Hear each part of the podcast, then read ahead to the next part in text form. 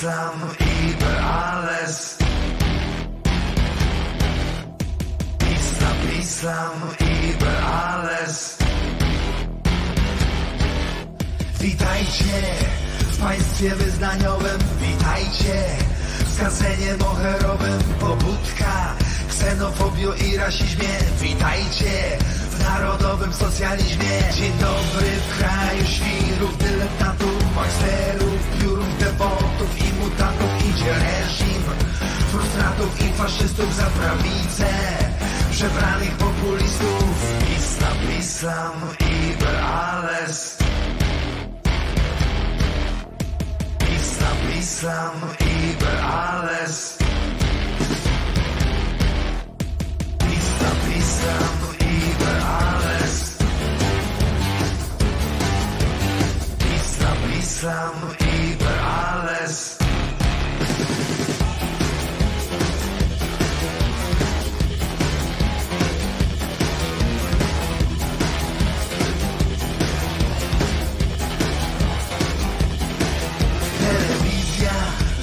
Muszę propagandowo, witaj stara. Dobra nowomowo konstytucja. Jest przegrano sprawo, praworządność. Chyli się na prawo, mają władzę. Wojsko i policję wypuchtują Bezemną opozycję idzie reżim. Dobry ład na lata federacji. Od wiecznego brata. Islam, Islam, über alles Islam, über alles. Islam, Islam, über alles. Islam, Islam, über alles.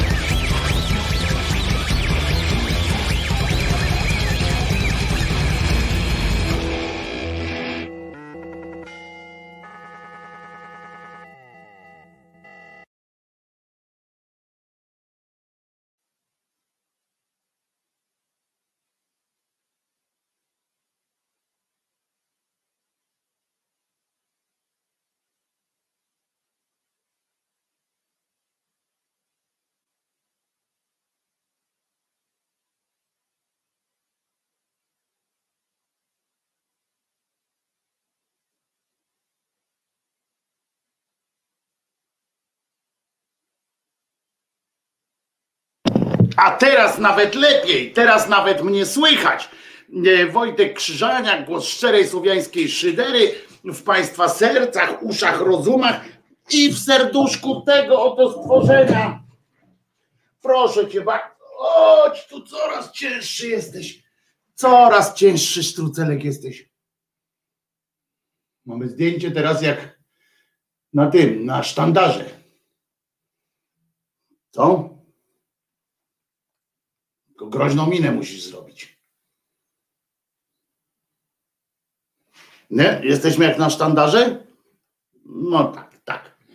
E, e, Słuchajcie, e, może wam się wydawać, że na przykład spóźniłem się chwilę, ale nie, otóż się nie spóźniłem.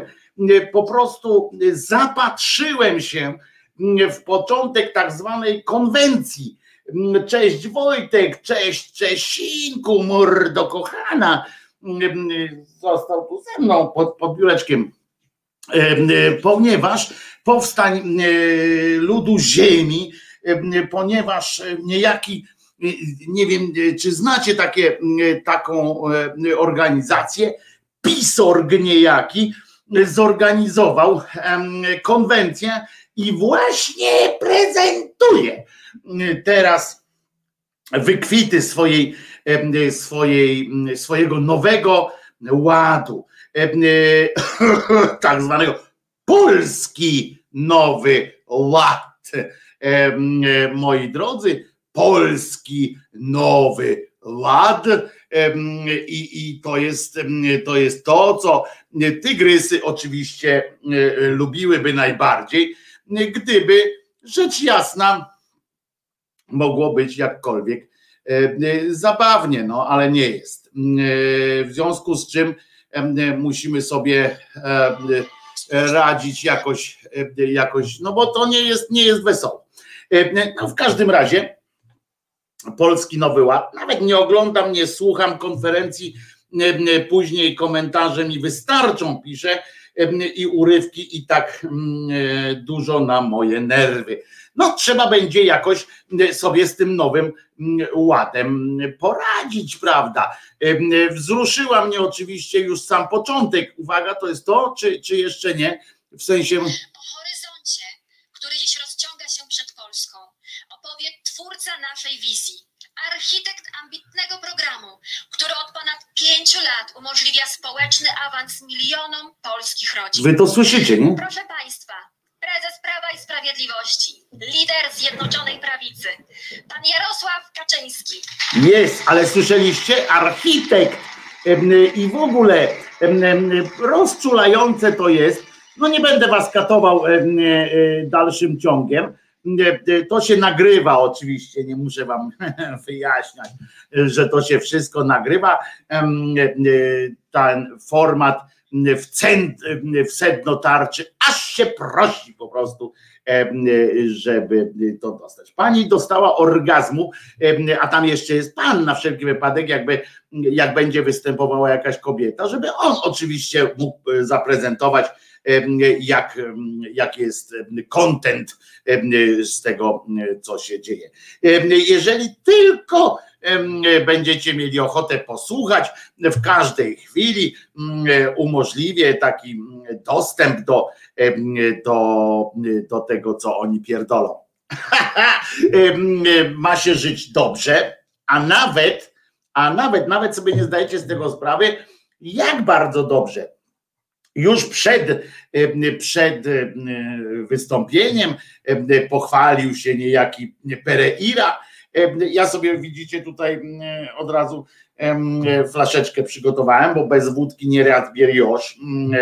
Także w razie czego to w razie czego to ruszajcie do Jerzyniewa po garnucha.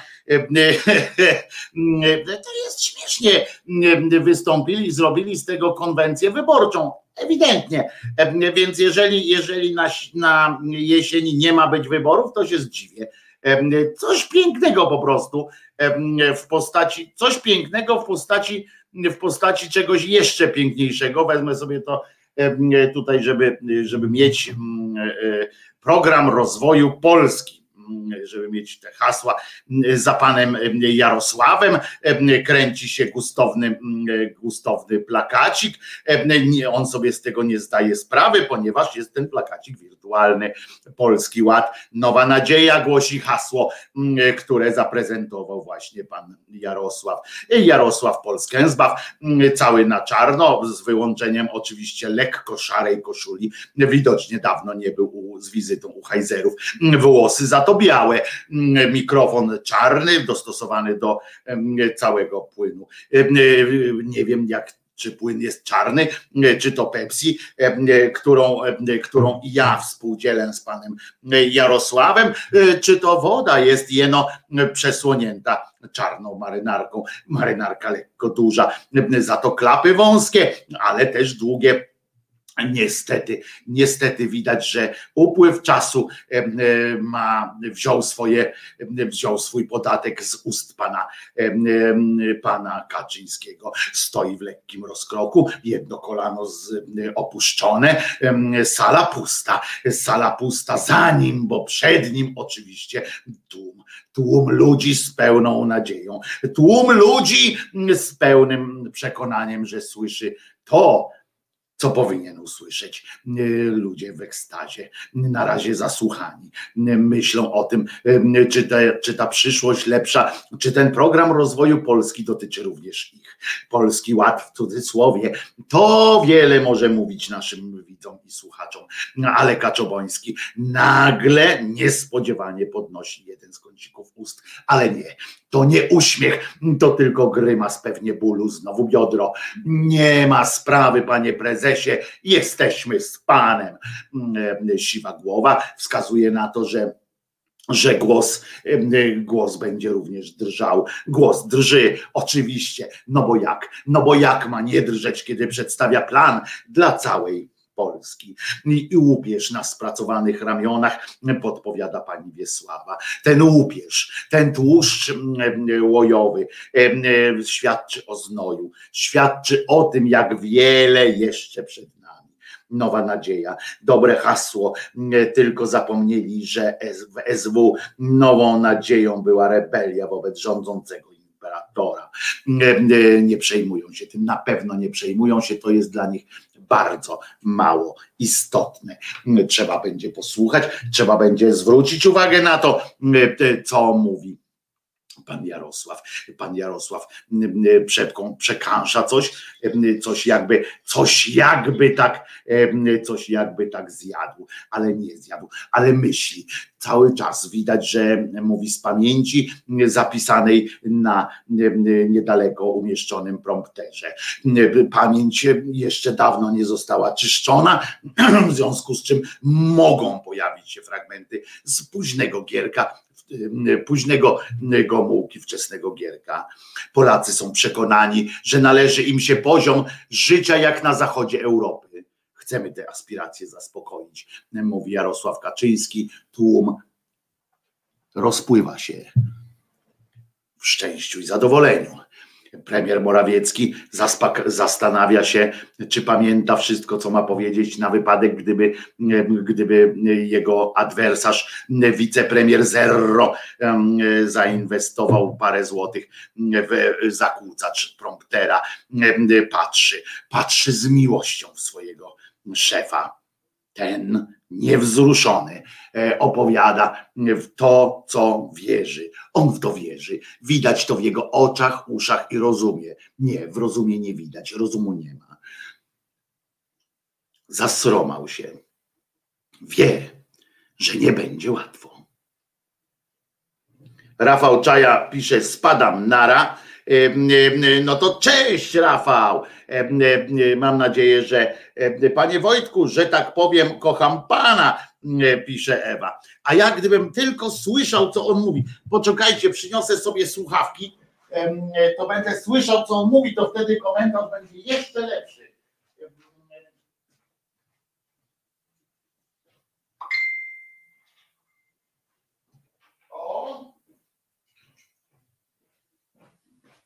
Wiecie, rozumicie? Wiecie, rozumicie? Tu se wsadzę, tu se umieszczę na se głowie. O, o, zacznie od pierwszej. Pan, pan co ma się zdarzyć w polskiej służbie zdrowia. Pan Jarosław oczywiście, pan Jarosław oczywiście nie wie, że już od, od lat nie ma służby zdrowia, tylko jest, jest ochrona zdrowia, ale on nie musi tego wiedzieć. On tym rządzi. On nie musi wiedzieć. Powiedział. Powiedział, co wiedział, czyli że pieniędzy nie ma. Ale dodał oczywiście, że będą. Chcemy więcej! Powiedział. To jest to słowo, które jest kluczem. To jest klucz. 160 miliardów przeznaczy na służbę zdrowia w 27 roku oczywiście. 7% osiągnie Jarosław, Jarosław, Jarosław, Jarosław, Jarosław, Jarosław, Polskę zbaw. Jarosław, Polskę zbaw. Hej, hej, Jarek, Polskę zbaw. O Polskę, Polskę, Jarek zbaw. Niech będzie kilka spraw załatwionych, załatwionych. Hej, Polska, to jest to.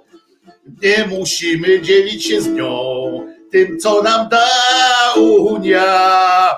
Hej, hej, hej, Jarek Polskę baw i załatw kilka spraw. Choć jeśli nie dla wszystkich, to chociaż dla rodziny swoich posłów.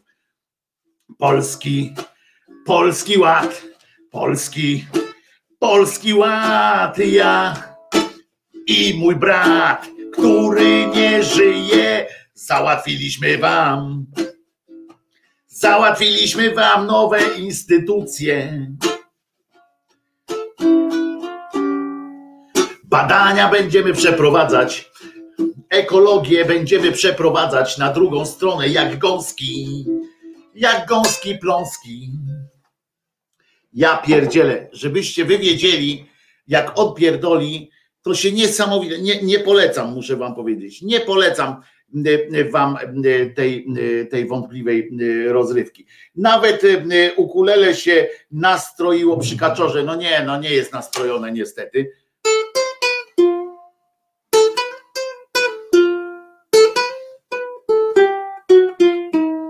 No nie jest nastrojone niestety. Muszę jechać dzisiaj. Dzisiaj pojadę. No widzicie, nie mam czasu nawet pojechać po te, po te swoje nalewki, koks. Tak szlachta rozpija chłopów, a paprotki muszą mieć wilgoć. Geniusz Akse pisze. Ciekawe, czy Ziobro będzie się coś prezentować. Jak nie, to jest na wylocie. Otóż nie, na wszelki wypadek na wszelki wypadek e, e, e, ten szef partii władzy stwierdził, stwierdził, że scenariusz nie, zape, nie, nie scenariusz nie przewiduje. O, scenariusz nie przewiduje udziału tam innych mówców niż dwóch będzie specjalistów, pan Jarek i pan Mateo, czyli ci ludzie, którymi mafia kręci, jakby chciała i nie umiała. Jay Kaczyński w 2023 chcemy. To jest jeden z kluczowych, jeden z kluczowych takich sygnałów. Oni piszą na przykład, to jest fantastyczna sytuacja, że Wiecie, jak dziecko, na przykład z dzieckiem rozmawiacie, to, to dziecko też często mówi, że chciałem, no starałem się i tak dalej. Oni też zawsze, Kaczyński, w 2023 chcemy osiągnąć 6% PKB wydatków na służbę zdrowia.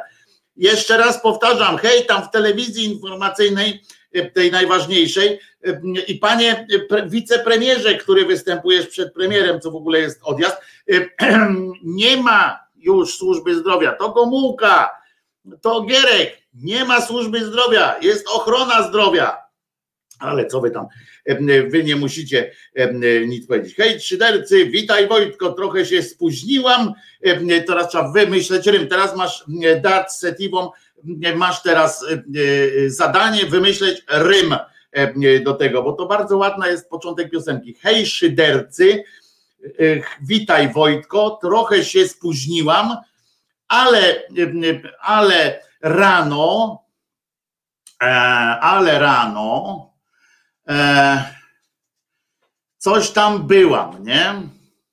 Powinno być. No dobra, e, o właśnie, ale w drodze na spotkanie z Kaczobońskim byłam. Na przykład tak to może być.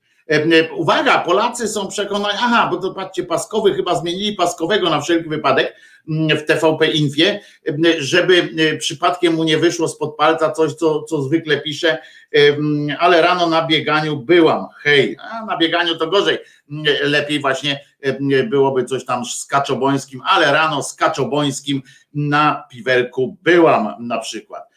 Kaczoboński wygląda, muszę wam powiedzieć, niezbyt okazale na tej, na tej scenie. Gdybym ja był, gdybym ja był Kaczobońskim, to po tej imprezie zwolniłbym chyba człowieka odpowiedzialnego za scenografię. Nie robi się tak wielkich scenografii dla tak małych ludzi. Po prostu oni wyglądają na tej, w tej scenografii jeszcze mniejsi. W obrazie telewizyjnym ujęte to zostało nawet, nawet godnie, nawet przyjemnie mieści się gdzieś, zajmuje jedną trzecią ekranu pan Kaczoboński. Bym go trochę przybliżył, ponieważ dzisiaj nie zaprezentował, ostatnio wiecie, że ostatnio karierę robią hasztagi. Pan Kaczoboński jestem pewien, że nie wie o co chodzi z tym, z tym hashtagiem, ale nie musi wiedzieć o co chodzi z tym hashtagiem. Ważne jest to, że że coś tam zawsze prezentują. Dzisiaj zaprezentowali mały kwadracik. Z odległości widzę, że kwadracik, kwadracik. Nie wiem, co on oznacza, bo 30 tysięcy złotych wolno od podatku. To jak Państwo byście chcieli sobie już zacząć obliczać, ile macie pieniądza, ile nie macie, tyle będzie. Oczywiście rzecz się nagrywa, w związku z czym zostanie szyderczo skomentowana na pewno po godzinie 21, a i w poniedziałek jeszcze bardziej będzie, będzie to. E, Wojtek z powodzeniem może komentować Mistrzostwa Świata w szachach. Wojtek, częściej taki komentarz na żywo z tego, co się dzieje w Sejmie i lub jakaś transmisja na żywo z różnych protestów.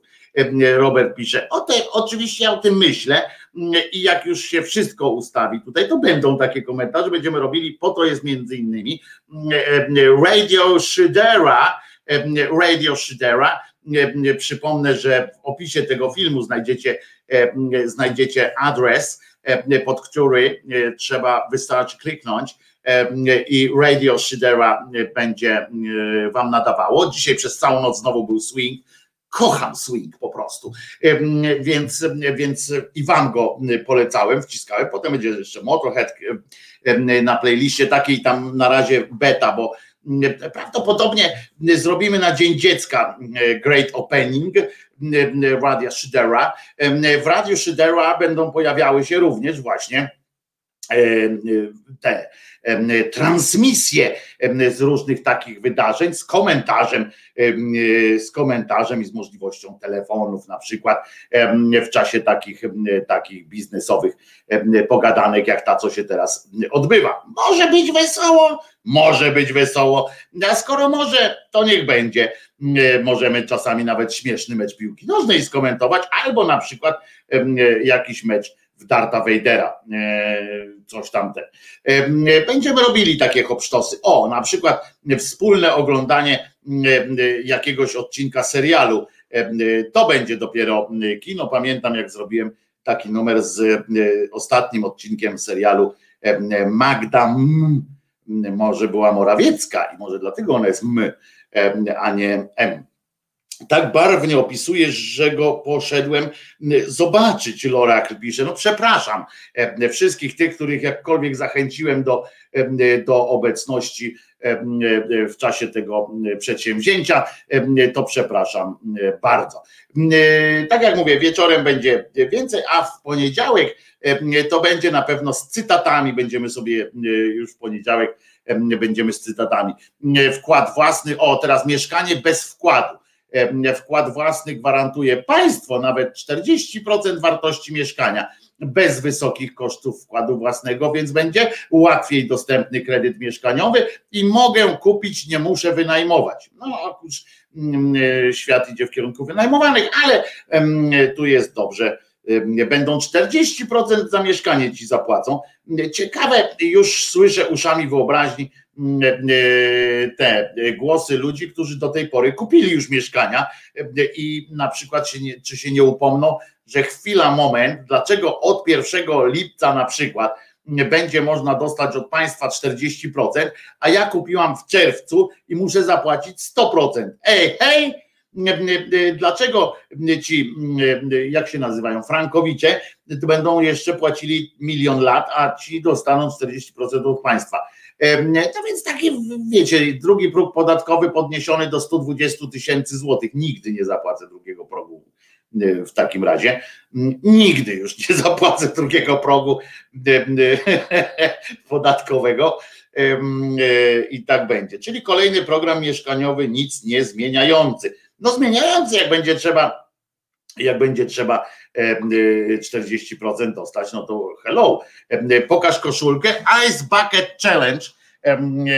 Ice Bucket Challenge.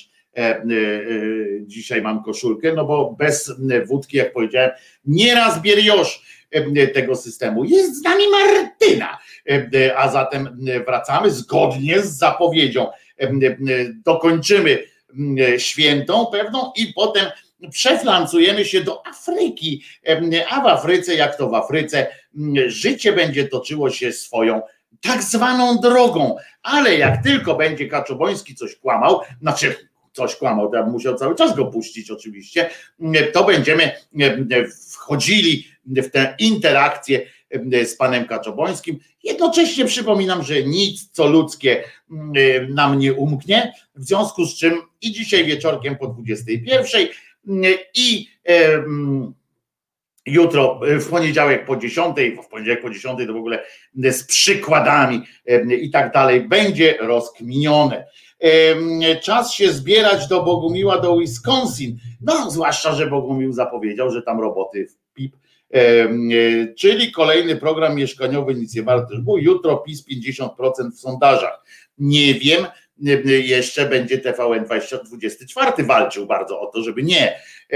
Ale jak Bud, odpowiedzią Borysa Budki na zapowiedź programu Nowy Polski Ład było zwolnienie dwóch, wywalenie z partii dwóch posłów za to, że w mediach chodzą i wypowiadają się niepochlebnie o nim. No więc ich wypierniczył. Nie wiem, czy on myślał, że oni zaczną się wypowiadać jakoś o nim pochlebnie, czy wyobrażał sobie, że telewizje przestaną ich zapraszać na przykład, przecież to jest, przecież to jeszcze bardziej jest, są łakomym kąskiem. Wczoraj do późnej nocy nie mówiono o niczym innym, tylko o Zaleskim i tym drugim Rasiu, tak, których, których sponiewierał Borys Budka i którzy przypieczętują ostateczny jego koniec, bo tyle głosów poparcia, to ja dawno, oni pewnie dawno nie słyszeli u siebie w partii, że są tacy ważni. Wywalił pani Ewo Zalewskiego, który przeszedł do, do Platformy z PiSu, był prominentnym posłem PiSu, Mm, ale tam Jarosław go jakoś też sposponował, nie pozwolił mu czegoś zrobić, więc przeszedł sobie spokojnie do Platformy. Tam, jak już został prominentnym posłem Platformy, nie to go oczywiście usunęli, bo on wszedł do Platformy jako tak zwane prawe skrzydło, jako konserwatysta. I zresztą ten Raś też, no ten Raś to był taki, co, co on powiedział zresztą, że on kobiety kobiety e, praw nie do końca mają, mają tyle prawa, ile on, im, ile on, na ile on im pozwoli. No to to jest taki, można go wywalić. O proszę, nowa teza pana Kaczobońskiego. PiS reprezentuje polską wieś. Można? Można. To ja na przykład powiem, Szydera reprezentuje polskie miasta. Je. Yeah. Tylko, że trzeba teraz sprawdzić, żeby telewizja polska informacyjna to przekazała narodowi, żeby naród się o tym dowiedział, bo pewnie na wsi się dowiedzieli właśnie, że tak e, e, było. Dobra, to teraz puszczamy śmieszną piosenkę i po piosence spotykamy się na poważnej rozmowie, e, a nie o tych głupotach, które niestety i tak nas będą ścigały, i tak nas dorwą, bo jak nie my jego, to on nas, a że to on nas, to będzie dobre. I to będzie wiadomo, że tak się wydarzy. A zatem śmieszna piosenka, już nie mogę wytrzymać po prostu ze śmiechu.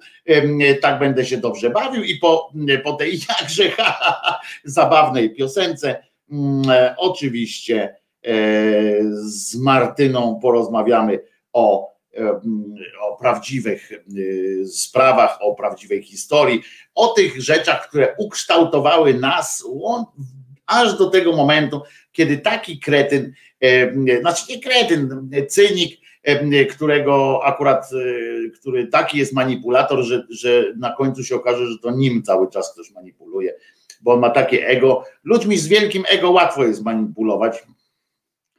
Ja staram się udawać, że nie, ale wiecie o co chodzi. No, siemasz Jarek. To słuchamy piosenki, który przed tym, przed tym, przed tą lekcją ma świetny tytuł. Ona nie jest o tym dokładnie, ale ta piosenka, ale tytuł ma pasujący bardzo. Real, real, real education. No limits.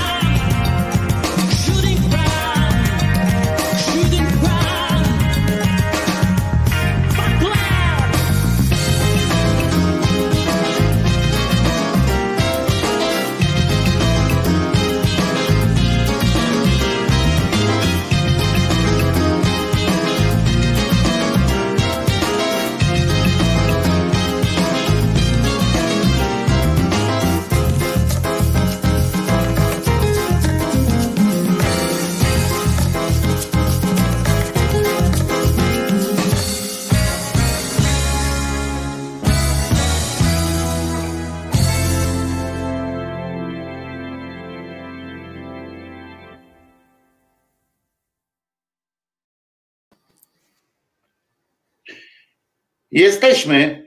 E, e, Dzień dobry. Dzień dobry. Dzień dobry. E, Wiecie, że wiesz, Martyna, Ma- Martyna Makosa z nami jest, która to zaprezentuje nam dzisiaj wykład z historii, o którym zaraz nam, zaraz nam wprowadzi. Ja was muszę najpierw wam muszę powiedzieć fantastyczną rzecz, bo pewnie tego nie wiecie, że polską wieś czeka kolejna fala, kolejna fala e, nacisków e, z miasta, czyli e, po słynnej elektryfikacji. Teraz prezes Kaczoboński e, w swojej przemądrości zapro, zapro, zaproponował e, gazyfikację wsi. E, e, e, No nie wiem, czy, mm, czy żarty e, tutaj będą na miejscu, e, ale gazyfikacja wsi od razu wiąże mi się z pewnym też jakimś przedziałem naszej historii. E, e, Będą gazyfikować, dobrze. E, e, Ciekaw jestem, czy sok z buraka, czy inne tam e, aż znaczy nie, nie porównuję soku z buraka z aż-dziennikiem, bo, em, e, bo, bo, bo to jednak inne kategorie e, i aż dziennik jest po prostu w pytkę, e, a sok z buraka to po prostu sok z buraka.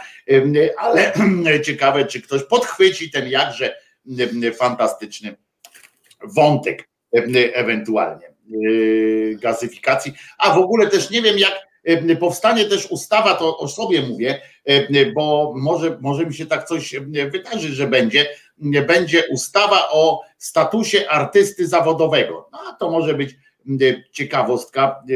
e, Znaczy ona nie powstanie, prawda? No, e, On zapowiada, co tam, e, żeby tam się coś e, działo, tam nic nie powstanie, bo przecież wiemy o to chodzi, że, żeby teraz tylko nagadał tyle, co, co, e, co ma pogadać, ale e, e, co ciekawe, będzie też na wsiach i to nie wiem, jak oni za- zareagują, bo e, prezes zapowiedział, i tu słuchajcie, uwaga, oni od, y, od jakichś ładnych miesięcy mają cały czas bekę z tego, że y, Orliki, pamiętacie, że Orliki były kiedyś taka akcja Orliki, y, y, boiska w tym, y, w każdym powiecie i tak dalej, to teraz y, y, prezes twórczo rozwinął tę myśl i powiedział, że będzie boisko w każdej wsi. Y, y, Więc, y, więc nie wiem, y, co teraz powiedzą ci tam w tym w tych w TVP Info, w tych w telewizji i tak dalej, bo to przez, bo to kurczę nie jest już takie, mm, takie zabawne e, chyba, jak będzie. E, Lady, ty mi się zawiesiłaś, czy co? Nie, ja jestem cały czas. Widać mnie? Halo? A obraz mi się zawiesił. E, Muszę chyba wyłączyć tego kaczobońskiego.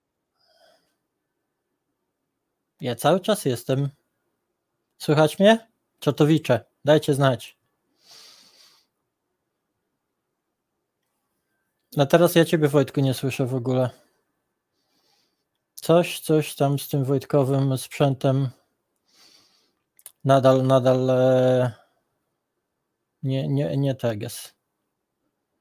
A, wy też go nie słyszycie, no to nie słyszymy go, słyszycie mnie. No to witajcie, on się nagadał, w ogóle to e, strzałeczka, mieliśmy się spotkać e, kwadrans po, ale ja się miałem, spóźniłam po prostu ze trzy minuty może i się nagadać nie może, także że mają szansę się nagadać, nagadał się już wrócił, teraz będzie na, na tego, teraz będzie on słuchał, a ja będę gadała. Coś się dzieje u mnie z internetą. Słychać cię Wojtku teraz, już, już jesteś na wizji. No ale już- mówię, coś mi się z internetem dzieje, wiecie? Także, także Martyna, jakbym zniknął, to po prostu nagrzewaj z wykładem, dobra? To będę kontynuować, nie ma sprawy. Także będziemy, będziemy tutaj mieć to na uwadze. A mnie słuchać dobrze? Wszystko jest No, to ok? Nie ma jedziesz, problemu? A, to jadę. No to dobrze. Dzień, dzień dobry Wam wszystkim. Witajcie na kolejnej e, pogadance z cyklu Sobota z historią, czy Historia sobotą, jak kto woli. E, no i dzisiaj, dzisiaj e, chciałam dokończyć ten temat, który był w poprzednim odcinku naszej pogaduchy. Tych e, trzech e, silnych kobiet z Italii, e, czyli w poprzednim była nasza uczona Amala Sunta, e, nie, nierządnica, powiedzmy, że nierządnica Marozja, a teraz będziemy się zajmować świętą Adelaidą. Świętą Adelaidą Burgundzką. Fetek na pewno tutaj ma dużo do powiedzenia, bo on wszystkie święte ma oblatane, także, także będzie mi pomagał. A my możemy przejść do tematu właśnie, czyli od Adelaida Święta, zwana też Adelaidą Włoską, oprócz tego, że burgundzką.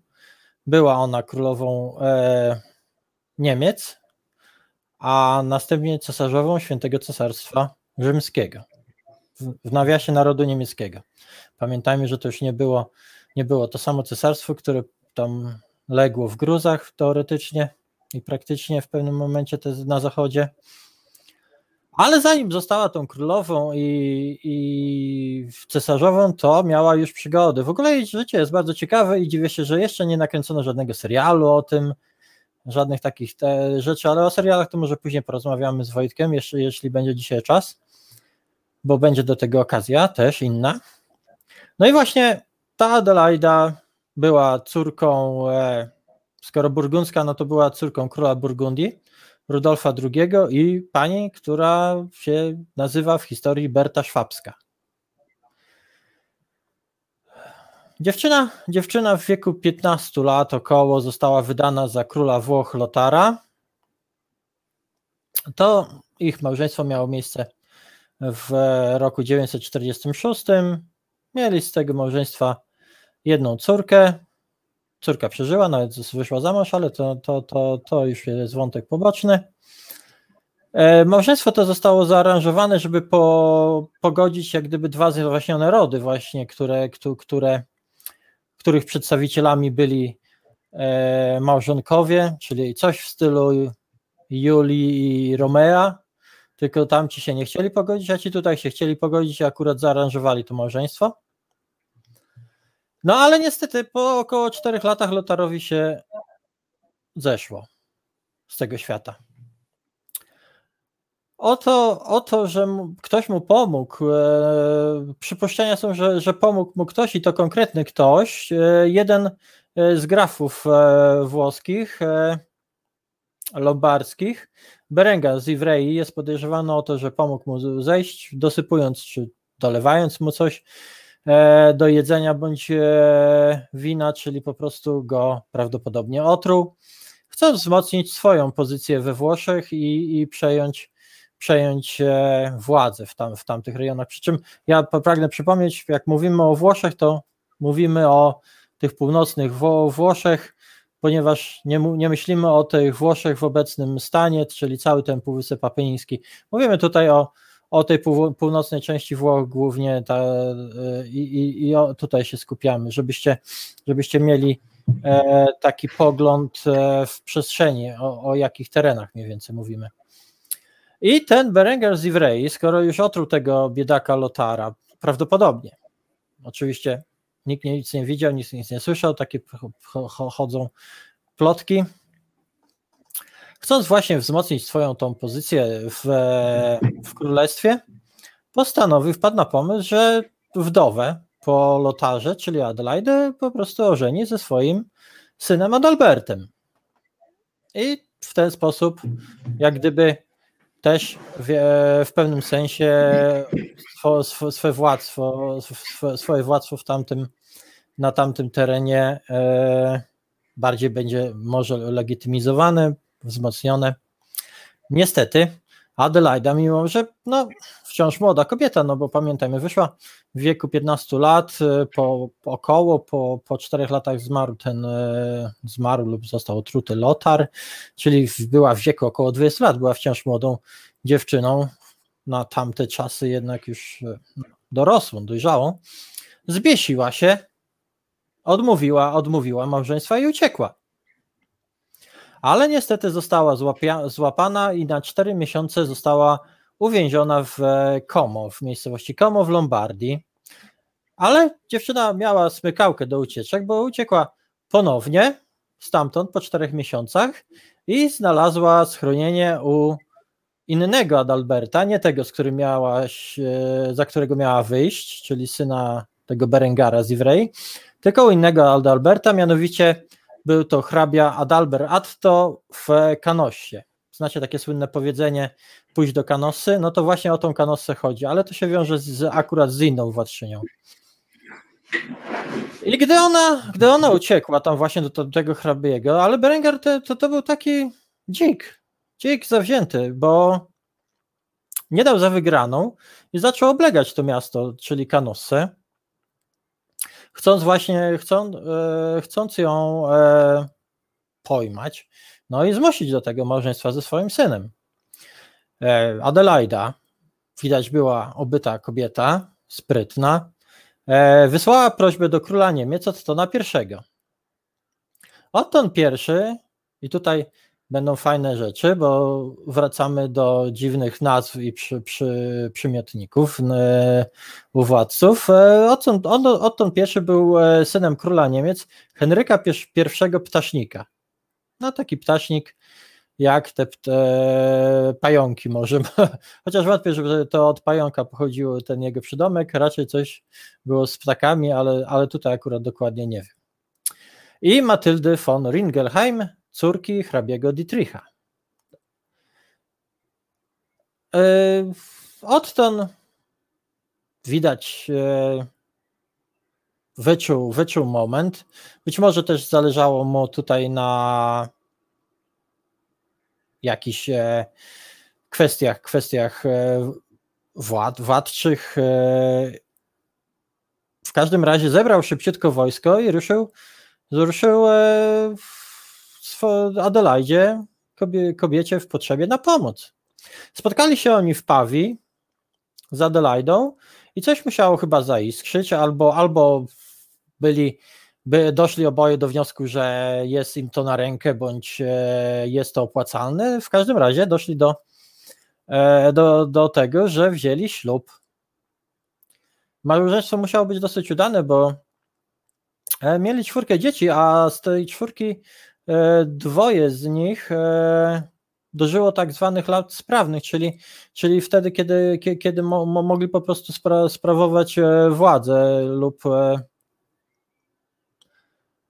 o, biedny Wojtek, internet mi się tnie. W każdym razie ja kontynuuję. E, ich małże, małżeństwo, jak mówiłam, e, było całkiem prawdopodobnie udane. Czwórka dzieci, dwójka przeżyła. To nie jest taki 50%, nie jest taki zły wynik. E, a Berengar został pokonany i Ottonowi I musiał złożyć hołd. Także Wydawało, wydawać by się mogło, że już e, sprawa została załatwiona, ale no jak mówiłam, ten Berengar to był taki dzik i w, parę lat później, bo w 960 roku znowu zaczął rozróbę w tej Italii, tym razem rozpoczął wojnę z papieżem Janem XII.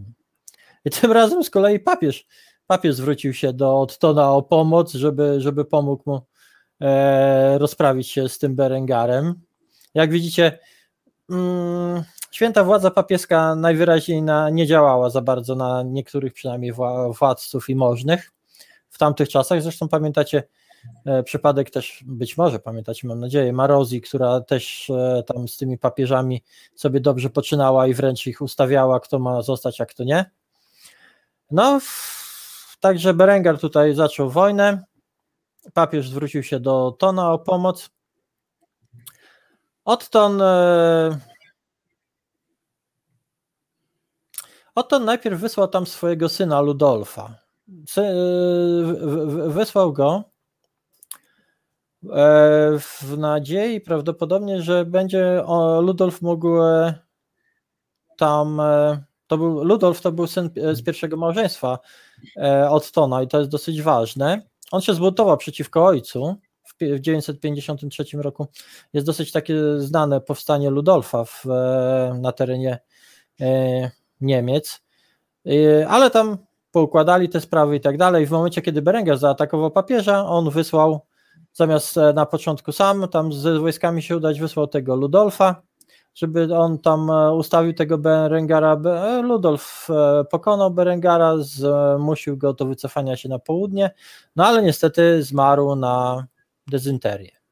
I to już e, umocniło pozycję Adelaidy na dworze, no bo nie było takiego bezpośredniego dziedzica i jej dzieci e, zaczę, prze, przeszły w tej kolejce o tron. Wiecie, tutaj kwestie dziedziczenia zawsze w tych e, rodach panujących są ważne. No i gdy się zeszło temu Ludolfowi, no to, to wówczas Otton wyprawił się do, do Włoch, e, do tej Italii, pokonał, uwięził Berengara, on nawet go zabrał ze sobą do Niemiec, żeby już tam nie bruździł. A podczas tej e, właśnie wyprawy e, papież, prawdopodobnie w podzięce, z, no, w każdym razie E, ukoronował i Otona i Adelaidę koroną cesarską. I dla, tak w ten sposób Adelaida 2 lutego 962 roku, 962 rok, to jeszcze pamięt, pamiętacie, teraz możemy sobie porównać sprawy polskie, jeszcze przed chrztem naszego władcy Mieszka, została Adelaida cesarzową. I tak, no, Tutaj to bycie cesarzową najwyraźniej jej służyło, bo dzieciom, e, jak mówiłam, śmierć e, pierworodnego syna od Tona z pierwszego małżeństwa torowała dzieciom Adelaidę drogę do tronu, ale po paru, bo po paru latach Adelaida po raz trzeci e, z mężem wyprawiła się do Italii. To był 903, 966 rok, także widzicie, ona była Adelaidą Burgundzką, była cesarzową Niemiec i królową Niemiec, ale cały czas z tymi Włochami jak gdyby miała związek, a wcześniej była przecież żoną króla Włoch, także Także naprawdę tutaj te północne Włochy bardzo mocno by, były powiązane z e, tymi dy, dynastiami niemieckimi. E, w 966 roku towarzy, e, wyprawiła się z mężem do Italii. Być może w tym e, ten czas wykorzystał nasz władca Mieszko, kiedy cesarza tam nie było pod nosem, e, że przyjął ten chrzest e, z Czech. Bo jak pamiętamy, teoretyczna. Bo to, właśnie ten, bo to właśnie ten okres, nie? Bo to właśnie tak. ten okres, dokładnie ten okres. Tak. To, to jak mówimy, ta umowna data jest 966, a wielu naukowców no, się zgadza, że to jest 968. W każdym razie Otona nie było tam na miejscu pod nosem, bo, bo on e, przez kolejne 6 lat siedział e, właśnie w Italii z Adelaidą, a, a Mieszko tam, jeżeli z kimś dealował, to raczej e, z margrabiami Marchi Wschodniej, jak na przykład Hodon. No i w, ty, w, ty, w tych Włoszech Ottonowi, jak zwykle, niestety w 70, 973 roku się umarło, a władzę przejął e, syn jego Otton II. Właśnie a pytanko, a on umarł, on umarł taką bardziej, bo coś tam słyszałem, kiedyś mi się przebijało, że on tak jemu też tam pomógł ktoś umrzeć, czy, czy to raczej, nie, raczej nie, między bajki nie. trzeba włożyć? E, nie, nie, tutaj raczej nie było tego. Ale jeszcze przed śmiercią, przed śmiercią właśnie cesarz e, zażegnał konflikt między naszym Mieszkiem a właśnie margrabią Chodonem, E, to była ta słynna bitwa pod tam e, pod Cedynią i te sprawy. E, a nasz kolejny władca, syn Mieszka Bolesław Hrabry, został na dworze cesarskim jako zakładnik. Co, co na pewno pomogło mu w późniejszej karierze na światowych, jak to można by powiedzieć. Na salonach, w salonach. komnatach bardziej, o, na komnatach, no tak, no. w komnatach bardziej o języków choćby się otrzaskał, nie? No, języki choćby poznał, to jest Języki i znajomości i na pewno, na pewno nie był też tam traktowany jako byle kto, bo, bo Mieszko, no, bo, bo ja, ja przypomnę, że Mieszko w momencie, kiedy od, że Mieszko to nie był jakiś naprawdę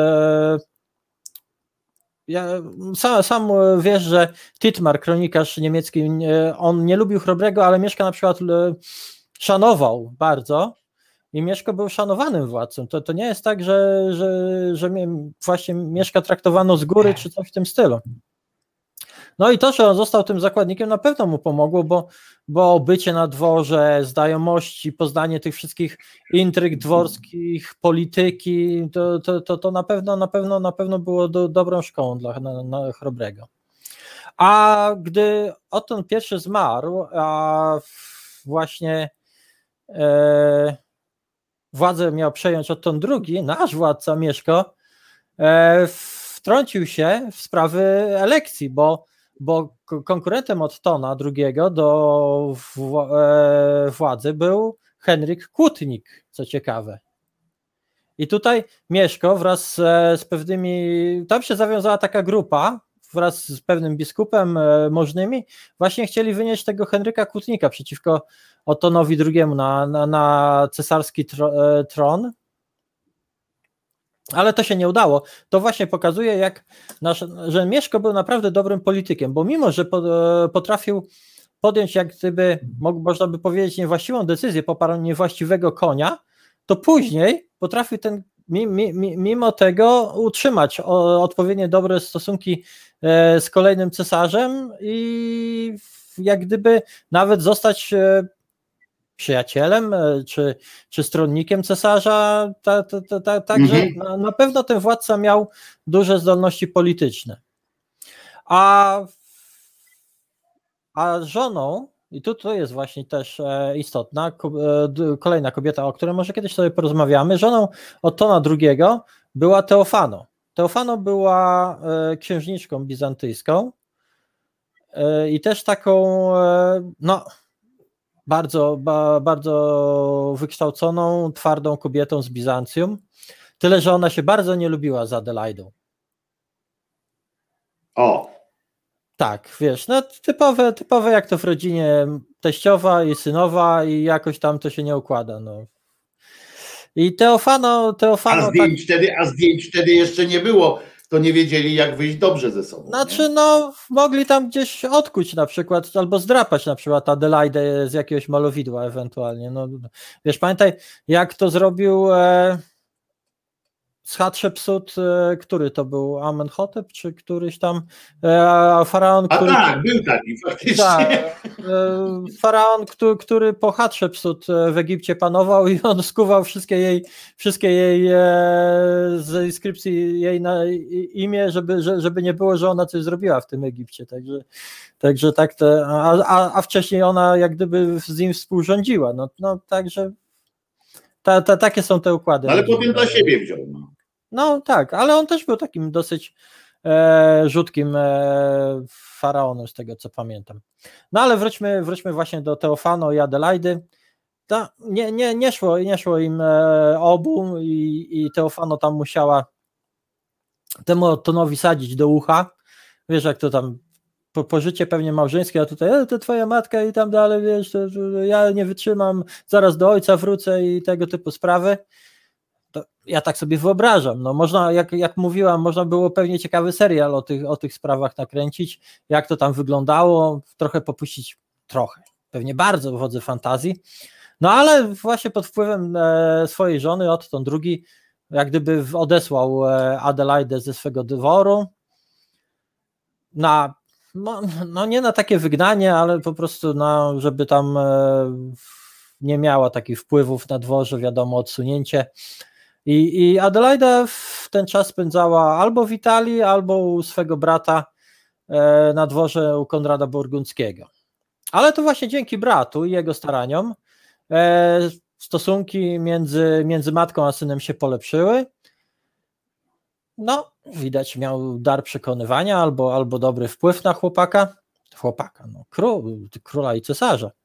E, w każdym razie w 983 roku te daty nie są aż tak ważne, ale niektóre mogą być istotne.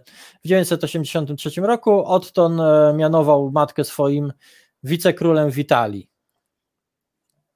Ale. Te daty Martyna są o tyle ważne w tym sensie, w tym teraz, akurat przy tym temacie, że e, mamy bardzo łatwe połączenie, wiesz, z Polską i bardzo łatwo nam się.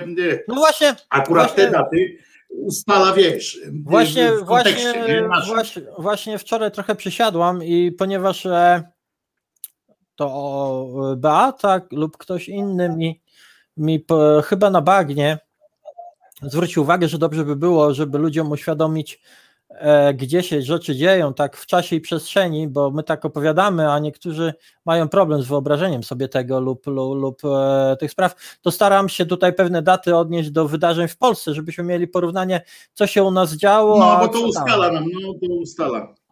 Także tutaj mamy wielką politykę, Italia, wojny i tak dalej. W Polsce w tym czasie w zasadzie to głównie, głównie wojny były e, Mieszka z Weletami, sojusz z Czechami, małżeństwo z, z Dobrawą, przyjęcie chrztu.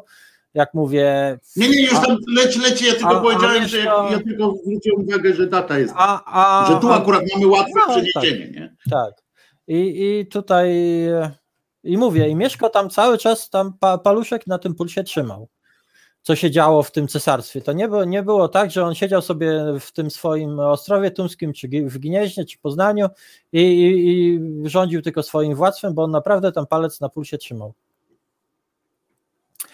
E, No i w tym 983, kiedy Otton mianował, a jednocześnie zaraz potem zmarł, e, znów był konflikt, bo znowu Henryk Kłótnik się wmieszał w, i mamy kolejnego Ottona, tym razem wnuka Adelaidy Ottona III.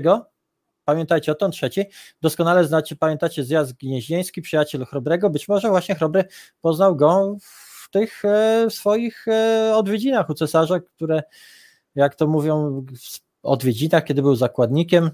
No, ale w każdym razie Henryk Kutnik znów e, się o tron za, Może tam po prostu walczy, może po prostu wyrywali y, skrzydełka tym samym muchom, prawda? W ramach Tak, zabaw. wiesz. No wiesz, całkiem możliwe. No ale, ale jak mówię, ten Henry, Henryk Kłótnik to jest. Chyba, chyba przez to może te, tego kłótnika dostał, bo, bo taki wyrywny i ciągle się o ten tron kłócił. W każdym razie znowu go poparł Mieszko.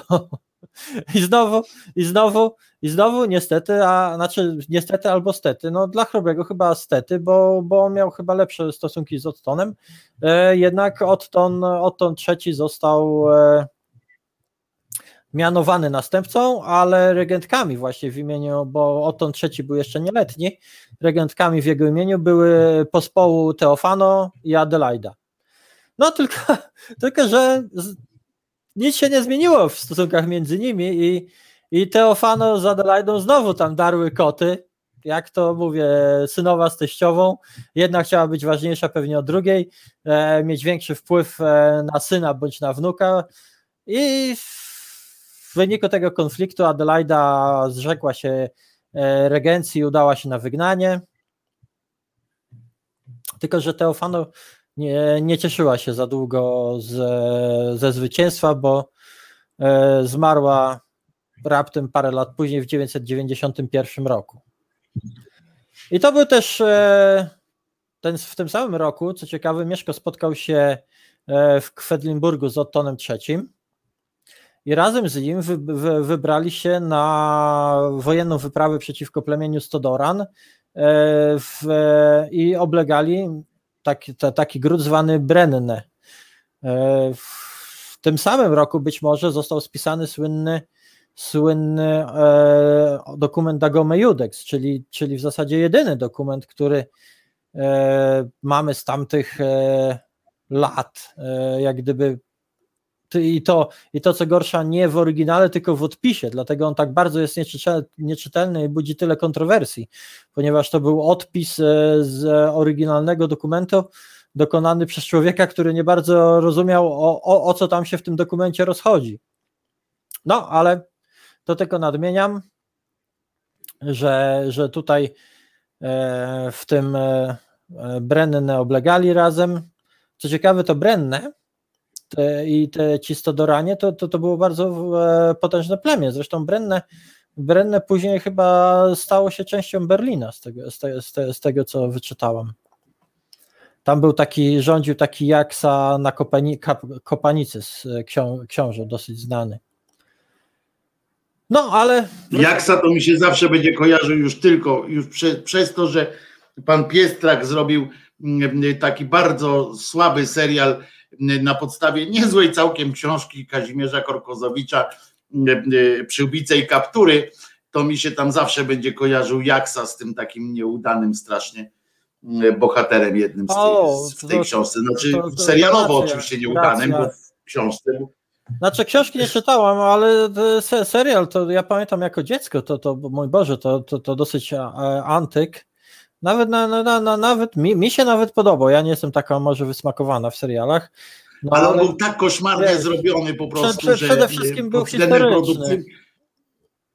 Ta sama historia, historia się broniła, ale ten serial jest Historia tak właśnie- paskudnie zrobiony, tak zagrany Historia, źle. jest- historia I- jest tak- fascynująca tam, bo, bo, bo to przecież tam e, ci agenci tego, no to naprawdę do, To dobry... szpiegostwo, to jest po prostu szpiegowski film, szpiegowski Tak. film Ery Mieszka. Nie, nie, nie, Ery mieszka. E- Ery, Ery, przepraszam, Jagiełły. Ery e, Jagieły oczywiście, ale, Tak. ale stamtąd mi się e, Ale, kojarzy no, ten Jaks. Dobra, ale lecimy, dobrze. wracamy tam, do tamtej historii. No dobrze, e, także Adelaida była tutaj, była, została tą regentką i w końcu, kiedy ten Otton podrósł na tyle do tych właśnie lat sprawnych, kiedy już mógł sprawować władzę, to Adelaida mogła się spokojnie wycofać z życia politycznego i w- poświęciła się działalności charytatywnej. Była związana z takim reformatorskim centrum kościelnym w opactwa w Cluny, e, a pod koniec życia osiadła w ufundowanym przez siebie klasztorze Selc niedaleko Kolonii i całe dnie, jak mów- mówi pismo, spędzała na modlitwie. Ale co ciekawe, ona nigdy nie została, za, co, co ciekawe, nigdy nie została zakonnicą. E, Natomiast e, zmarła w e, grudniu 999 roku. Wybierała się właśnie w podróż do swojego brata, u którego przedtem była na wygnaniu. Tego, te, te, te, te, tego jak on tam miał? Niech wrócę. Z Burgundii w każdym razie, brat.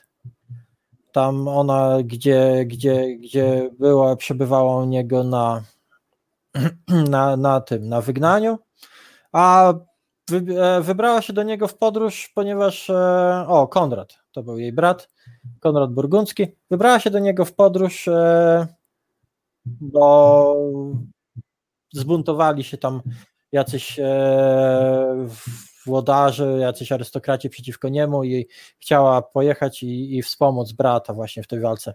Wybaczcie trochę moje dziury w, w pamięci, no ale po, po przepracowanej nocy i w ogóle po tylu latach pracy na noc, to może... Ale za to Ona miała jeszcze większe dziury, e, ona miała za to jeszcze dziury mogła mieć em, e, w- głowie, ponieważ ona w ramach tych modlitw i umartwiania się e, pani Adelaida na przykład wpadła na taki pomysł głodzenia się i ona e, między innymi No e, na przykład nie jadła.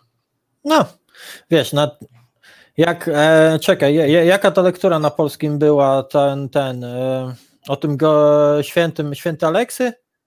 Co tam pod schodami leżał i pozwalał, A żeby, tak, tak. ale żeby pomyje na jego wywa, wy, wyrzucali i tak dalej. No, było, była, była taka, taka ta eremicka tradycja, że, że, że ci ludzie tam usiłowali pewne rzeczy jak gdyby odpokutować, czy, czy w ten sposób zasłużyć na, na Królestwo Niebieskie.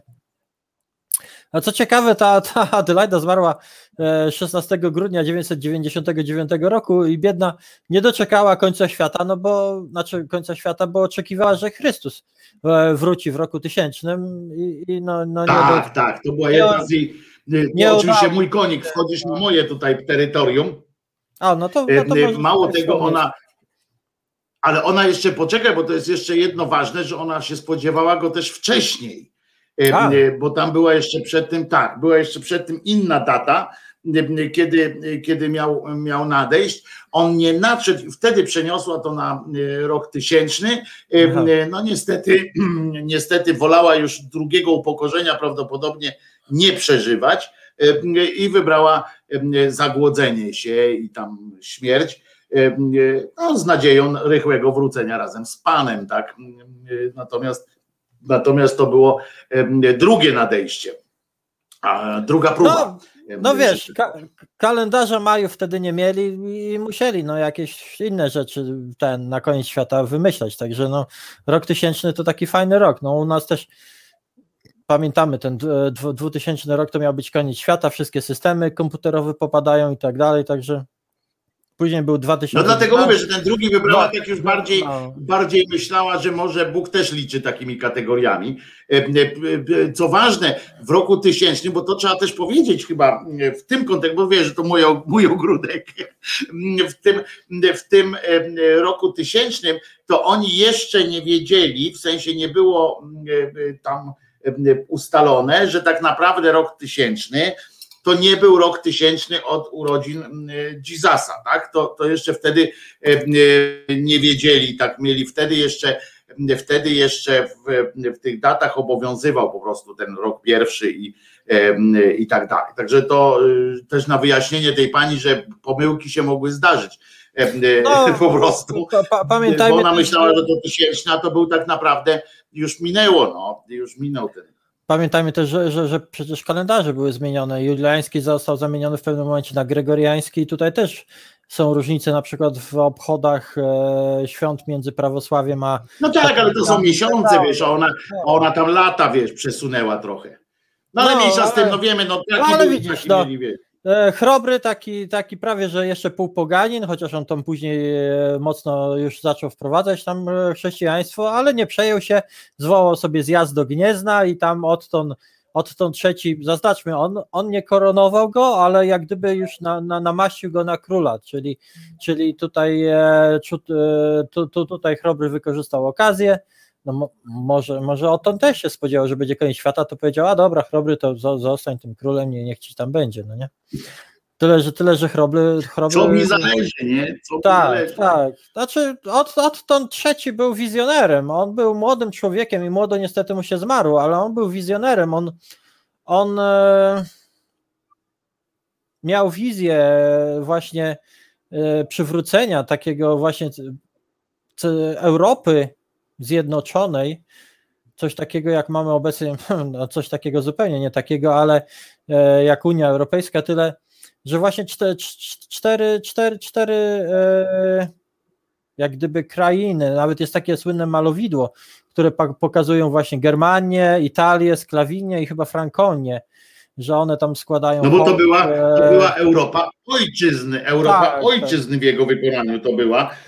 To, co tak. teraz Kaczoboński chce i tam w sensie ci eurosceptycy tacy, tak, że są Europa, ale pod jednym przywództwem, no on sobie nie wyobrażał, oczywiście on Parlamentu Europejskiego nie chciał robić, ale faktycznie mm, on chciał zrobić, żeby to było, on Tak. trochę do Rzymu, prawda, nawiązywał. Tak, tak, E, absolutnie. tak wprost, że to były do tych najlepszych lat Rzymu, nie? że to prowincje i tak dalej, No, Mm, że, a wszyscy razem w jednym zwarć dom. No i, i mówię, i zobaczmy, jaki ciekawy żywot miała ta, ta Adelaida. Tutaj wyjście za mąż w miarę młodo, śmierć męża, przymuszenie ucieczki, oblężenia, wezwanie na pomoc e, Ottona, wyjście za mąż, e, wojny, tutaj wspomagała męża, na pewno, na pewno też miała wpływ na te decyzje polityczne, również w polityce, w polityce tych wszystkich odtonów, a na pewno naj, najbardziej odtona pierwszego. No, no, bardzo ciekawy życiorys i na pewno odcisnęła ona to, to, to właśnie piętno na sobie, na, znaczy na sobie, przepraszam, na tamtych czasach. E, I być może między innymi dlatego, a, a, a przy okazji, że jak doskonale wiesz, święci byli potrzebni, no to papież Urban II w, dzie- w 1097 roku kanonizował ją i została świętą. A została świętą i patronką osób zjeważonych, panien młodych, księżniczek, cesarzowych, rodzicielstwa, rodziców z dużą liczbą dzieci, ojczymów i macoch, wygnańców, więźniów, wdów i powtórnych małżeństw. Jej święto przypada na dzień jej śmierci, czyli 16 grudnia. Ale nie tylko, bo jeszcze ma inny też dzień. Mm, mm, y, y, jeszcze jest nie z dniem rażdnienia, tylko jakiś inny dzień y, też jest, też jest jej przypisany. A poza tym y, urzekła mnie historia, że ona jest y, świętą opiekunką księżniczek, nie? To jest zawsze takie. Była księżniczką. zawsze dobrze robi. Ale wiesz, zawsze fajnie, nie? Mi tak fajnie wyobrazić sobie w ogóle, że jest ten Bóg tam u góry, nie? I ma specjalną wysłanniczkę, że stworzył specjalną wysłanniczkę która optuje u niego, bo, to, bo święci, jeżeli pamiętacie, że nie, to wam przypomnę, że święci to nie jest tak, że oni są święci, że są, że to mają ten sam poziom świętości co Bóg i tak dalej, tylko to są tacy jakby nasi przedstawiciele, że do nich się modlicie, że oni są, mają, są bliżej ucha Pana, i że możecie coś tam przez nich załatwić. Taka centralka, jakby to połączyć, taka stara centralka, gdzie się kabelek wkładało i, i trzeba wiedzieć, do którego się modlić świętego, to jest właśnie ten kabelek, nie? że trzeba wiedzieć, jak ten korbka i jedziesz z koksem i wyobraźcie sobie, że nagle tam jest jakaś pani, która, do której księżniczki dzwonią i ona do tego Boga y, podchodzi, mówi: Słuchaj, zadzwoniła do mnie księżniczka. On, o, no to słucham, y, y, co tam mogę, jak, jak mogę pomóc księżniczce, nie? To fajne, takie zawsze, zawsze takie przyjemne, przyjemne. No widzisz, żadne z nas nie jest księżniczką, także, także do niej do niej niespecjalnie możemy się o, o, o, odwoływać, no ale ale cóż, no może jest jakiś święty, który. Nie, no, świętych dla transów to nie ma raczej. A nie wiem, y, czy ten dla brodaczy jest jakiś? Oj by się znalazło, oj by się znalazło, muszę ci powiedzieć, jak tam, jak dobrze przeczeszemy, kiedyś będziemy rozmawiali o tych zakonach i klasztorach, to bardzo dobrze będzie nam znaleźć bardzo nietrudno będzie nam znaleźć e, e, takich, którzy, e, którzy w najlepszym wypadku są transami, a w najgorszym to nie wiem, są też podobno są nie myślmy, nie myślmy, nie myślmy o najgorszych przypadkach może.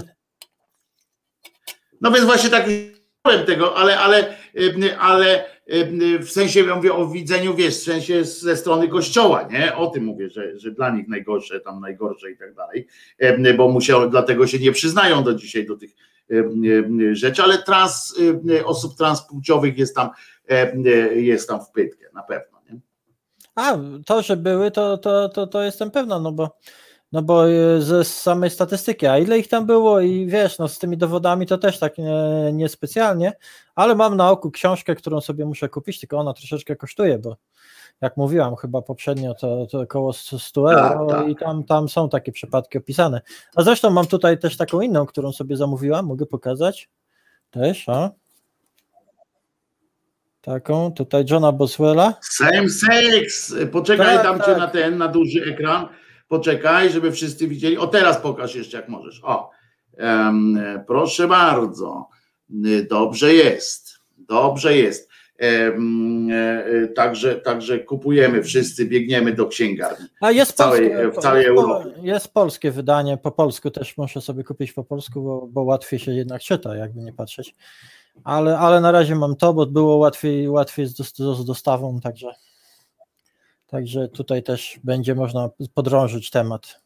A ta książka wywołała duże kontrowersje i, i tam no jest trochę tego. No ale wracamy do historii. No, no to, to, to by było tyle na temat Adelaidy i, i z, z, tyle na temat Italii, jak gdyby. Choć ta Italia będzie się nam przewijała, no bo to by, był jeden z takich ważnych rejonów e, w średniowieczu i tam dużo się rzeczy działo, jakby nie patrzeć. Także... No tam się całe życie duchowe toczyło, no. No, e, przecież wszyscy, wiadomo, wszyscy po akceptacji, wszyscy wszystkie te opactwa, klasztory, Rzym, no, no, no, no to, to, to na pewno. To różne, różne schizmy, nie schizmy, w, także na pewno, na pewno jeszcze nie raz o tym wspomnimy. A teraz, teraz możemy przejść do drugiego tematu. E, I to taki temat w zasadzie odskocznia, żebyśmy sobie troszeczkę odpoczęli od tej być może lekko dusznej, e, mrocznej, lekko średniowiecznej Europy, a potrzebujemy troszeczkę słońca. U mnie za oknem jest tak e, szaro, buro i ponuro, jak pisałem na czacie. No, to, to szkoda, bo, bo przez kilka dni była naprawdę ładna pogoda, słoneczko się zaczynało, ale się popsuło. No, no i dlatego może wybierzmy się e, do Afryki. żeby troszeczkę słońca zażyć. To co, ale piosenkę najpierw, żeby tak na przejście Tak, tej, tak. e, e, do tej Afryki. Takie przejście zrobimy do Afryki.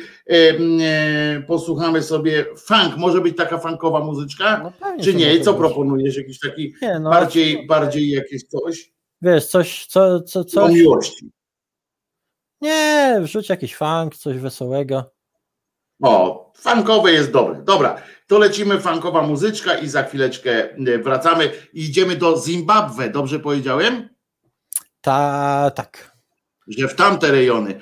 Muszę wam powiedzieć, ładne zdjęcia będą. Jak wejdą, jak internet się tutaj odbezpieczył mnie lepsze jakieś tamten, to będzie również fajne zdjęcia będą. To zrobimy także funkowo i o miłości. Funkowo i o miłości. Funkowo i o miłości. Ale gramy co? No weź.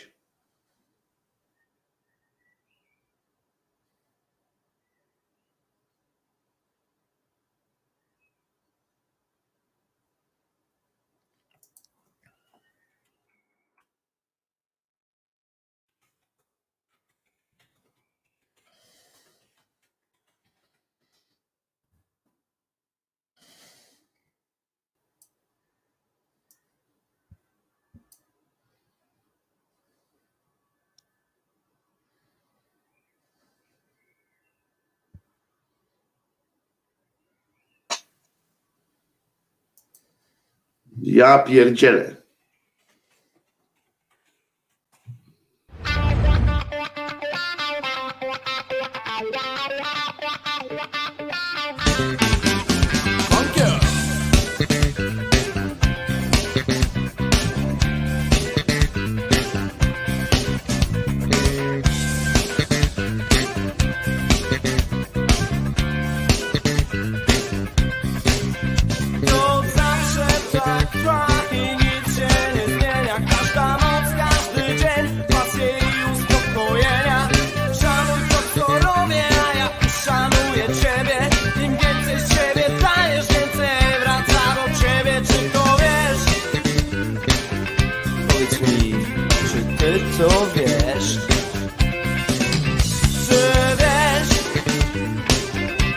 Cię, czy ty to wiesz, że Zawsze miłość w naszych głowach, czy umiesz zrozumieć to?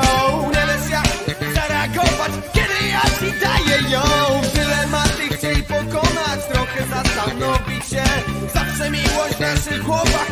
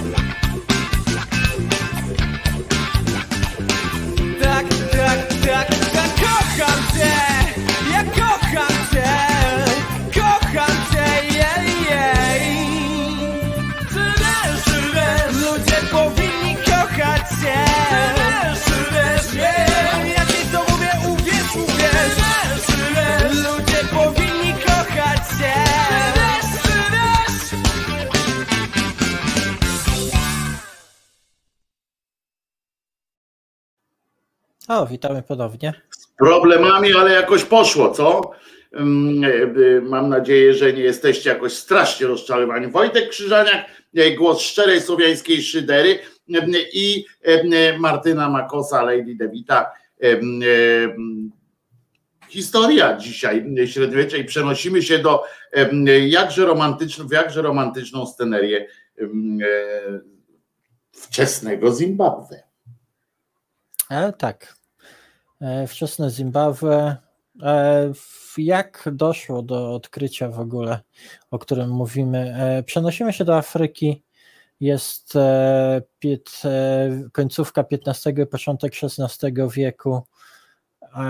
Portugalscy kupcy, w ogóle Portugalczycy dopływają do afrykańskich wybrzeży Oceanu Indyjskiego, do takich miast jak Malindi i Mombasa w Kenii, gdzie handlowano na przykład złotem, kością słoniową i pochodzącymi z głębi lądu niewolnikami, bo pamiętajmy, że najwięcej tych, tych niewolników e, Europejczykom i Arabom sprzedawali lokalni władcy, no, którzy podobnie jak nasi e, jak e, władcy Słowian e, czy, czy Skandynawów, Wikingów, no handlowali i zbijali ogromny kapitał na, na handlu niewolnikami. E, No i pamiętajmy, Swoimi. że, że Swoimi tak, no swoimi powiedzmy na zasadzie jakiegoś innego plemienia. Wojnę tam e, pory, porywali i sprzedawali tam ludzi z innego plemienia. No tak samo prawdopodobnie Słowianie robili, że e, jedno plemię szło, tłu- tłukło innych i, i, i- tego i sprzedawali kupcom e, skandynawskim czy, czy arabskim, kupcy żydowscy w służbie kalifatu też sprzedawali Słowian i stąd mamy wiele depozytów srebrnych na terenie, na terenie naszego kraju, ale nie tylko na terenie naszego kraju, generalnie na ziemiach Słowian potrafią te depozyty być znajdowane i prawdopodobnie to właśnie te dirhemy arabskie były zapłatą za e, żywy towar, no niestety. I Arabowie do, tej, do tego właśnie XVI wieku, a nawet dłużej się właśnie specjalizowali w handlu niewolnikami, jak widać Allah im nie przeszkadza, nie, nie, nie, nie, nie mówił, że nie wolno tego robić. Ja przypomnę, że w Europie tak naprawdę to handel niewolnictwem w X, w X wieku to, to koło Kościół tak naprawdę zaczął e, kres kłaść temu, że po prostu chrześcijan nie można sprzedawać w niewolę. No, z tym też różnie bywało, bo i w majątkach kościelnych też niewolnicy się zdarzali, zwłaszcza jeżeli to byli niewolnicy z jakichś tam pogańskich jeszcze rejonów Europy, ale, ale Arabowie kontynuowali tą tradycję e, handlu niewolnikami. Ale to muszę wtrącić Martyna, bo chodzi o ten kościół, że ten kościół oczywiście był przeciwko handlowi ludźmi, y, ale y, bardziej to dotyczyło tego, że on byli przeciwni handlu chrześcijanami. E, no tak, tak, ale, ale no kolejne nacje tam e, przyjmowały chrześcijaństwo i ten rynek się kurczył. No, no przypomnę, że e, święty Wojciech między innymi z, e, był skonfliktowany z przemyślidami i uciekł w zasadzie z e, Pragi do Polski, bo, bo właśnie w związku z tym, że Praga była jednym z takich e, większych, jest jednym z największych e, rynków e, żywym towarem w Europie. Także musimy to mieć na, na uwadze. A Arabowie, Arabowie kontynuowali tutaj, tutaj ten handel jak najbardziej. I właśnie w, XVI, w XV-XVI wieku oni tam już mieli sobie przygotow, przygotowane wręcz swoje osady do, do handlu tam z władcami Czarnej Afryki, tych, tych plemion.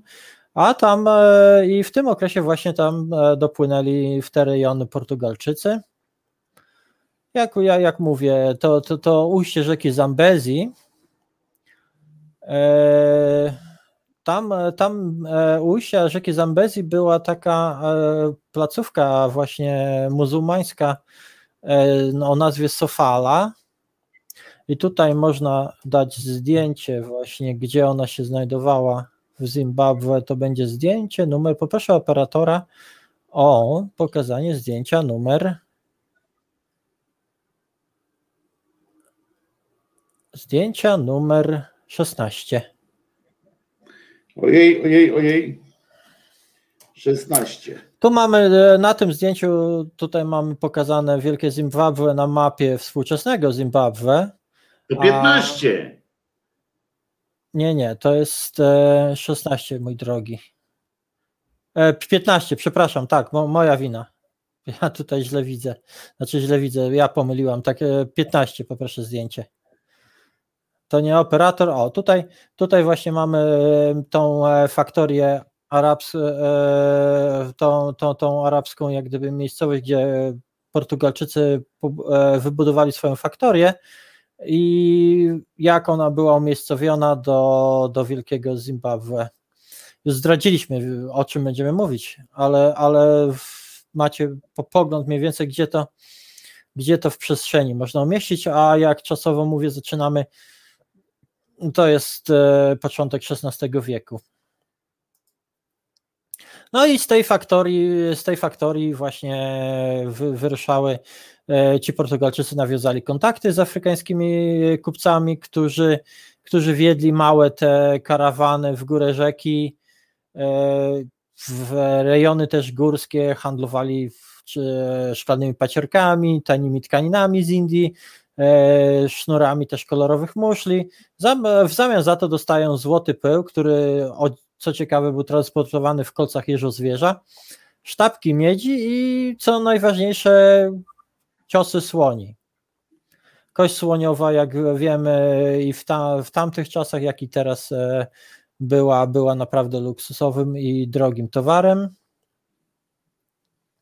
I mając, mając e, kontakty właśnie z tymi kupcami, pozyskują informacje o istnieniu tej kamiennej osady, która gdzieś tam w głębi lądu właśnie jest, tylko że nigdy nie wykazali wielkiego zainteresowania, nigdy nie odzwiedzili tej osady, także nie mieli za bardzo poglądu, jak to wygląda. Wiedzieli tylko, że jest jakaś kamienna osada tam właśnie w głębi lądu od tych kupców, ale, ale mniej więcej potrafili ją umiejscowić, bo już na mapach e, e, niderlandzkiego kartografa Abrahama Orteliusa, mapa sporządzona z roku 1570, pojawia się nazwa, miejsce o nazw, nazwie Simbae. I to właśnie jest e, miejsce, e, które zostało tak nazwane przez e, kapitana garnizonu w Sofali, Vicente Pegado. I te Simbae oznacza pałac wyniesiony z ogromnych kamieni. Ale to nie jest to, co teraz widzimy, E, nie, nie, bo to e, z cegieł jest. Nie, to nie jest cegieł, to jest właśnie z kamieni, ale, ale ja poproszę o operatora, o zdjęcie numer. To jest zdjęcie numer. 13. Nie, nie, nie. Zdję, teraz. zdjęcie numer 6. To jest ta mapa. to A, jest fra, mapa. fra, fra, fragment tej mapy, i tutaj na tej mapie widzicie, e, jest e, nad rzeką miejscowe. Przesuń no się miejsce, trochę w lewo, to nie będziesz taka zasłonięta. A, mo, mogę być zasłonięta, to, to, to, to nie jest istotne. E, jest mi- miejscowość, e, miejsce o nazwie Simbae, czyli ten pałac e, z wielkich e, kamieni. I, i, te, Mhm. I tutaj już, czyli oni, oni wiedzieli już mniej więcej, gdzie, gdzie to leży. No ale A jak. dlaczego tam nie poszli? Dlaczego tam nie, nie poszli? Bo, bo, po, co? No nie wiem, po to- złoto. Nie, nie, no złoto to mieli, bo handlowali z tymi, z tymi kupcami afrykańskimi, to, to, to nie Aha. musieli iść. Oni, oni tam, e, wiesz, e, do, do tej faktorii nie, nie, wgłębi, nie, nie, nie, nie, jak gdyby nie wgłębiali się w głąb lądu, no moim zdaniem byli sprytniejsi od Brytyjczyków, bo pod tym względem, bo nie jeden Brytyjczyk w czasie tej eksploracji Afryki życie stracił na tych wyprawach podróżniczych, a oni po prostu Czyli co? handlowali... Czyli że oni po prostu poszli w handel i olali tam te tak, tak, e, poszli, e, poszli w handel, wiedzieli, że, typu, typu że tam są- jakieś Tak, tak. sytuacje. Wie- Wiedzieli, że są, są po prostu jakieś ruiny, ale nie specjalnie ich interesowało. Biznes się kręcił, a dla Portugalczyków to było najważniejsze. Tylko, że mniej więcej wiedzieli, bo jak widzisz na mapie jest e, umiejscowione to i ten kapitan garnizonu nazwał to tak, a nie inaczej, czyli Symbae, czyli pałac wzniesiony z ogromnych kamieni i, do, do w zasadzie do pewnego momentu w ogóle to nikogo nie interesuje eksploracja te, te, tego, tego miejsca, ale to tylko do czasu, bo, bowiem w roku 1867, czyli no, masa lat po, po, po, po, po, po, tym, e, po tym e, pierwszych doniesieniach o istnieniu czegoś takiego, e, do ruin te, tych trafia myśliwy i poszukiwacz z pochodzenia nie, nie, Niemco-Amerykanin Adam Render. I on też, i on też po, po 4 lata później pokazuje, pokazuje te ruiny niemieckiemu podróżnikowi Karlowi Mauchowi. I ten osłupiał po prostu na widok tego, co zobaczył. I właśnie możesz tutaj ten e, skan numer 16 pokazać. E, to są właśnie, to jest część ruin e, Wielkiego Zimbabwe, zwanego, zwana świątynią. Jeszcze dojdziemy, co to jest. No właśnie, bo jakiś taki komin wygląda, nie? Tak, jak tak komin. to, jest, to jest wieża, ona ma około 12 metrów, ona ma około 12 metrów wysokości. Poszty. Tak, to, także musimy wziąć pod uwagę, ja się nie dziwię, że Mauch po prostu osłupiał na widok tego, ponieważ prawdopodobnie, ja, ja nie sprawdzałam, ale z tego, co wyczytałam, Wielkie Zimbabwe jest e, drugą co do wielkości tak monumentalnym, e, drugim co do wielkości tak monumentalnym e, kamiennym kompleksem w Afryce po egipskich piramidach. No 12 metrów, no to kurczę, I... to jest... 12 metrów, a mój drogi, a te mury, które tam okalają, to no. wieże i tak dalej, one potrafią mieć 5 metrów grubości. O, w dziuple. Także, także to, to naprawdę potęga jest. I, I to, co ty zinterpretowałeś jako cegły, to nie są cegły, to są kamienie. Kamienie na, kamienie na dodatek układane bez zaprawy. No ale wróćmy, wróćmy właśnie do Maucha, który, jak mówiłam, na widok tych, te, te, te, tego skupiska kamieni, no Tutaj na zdjęciach mamy już e, teren oczyszczony. On prawdopodobnie, kiedy to oglądał, to to wszystko było pokryte roślinnością. Musicie sobie wyobrazić, jakie to na takim podróżniku musiało wywrzeć wrażenie, niczym Indiana Jones, prawda? No.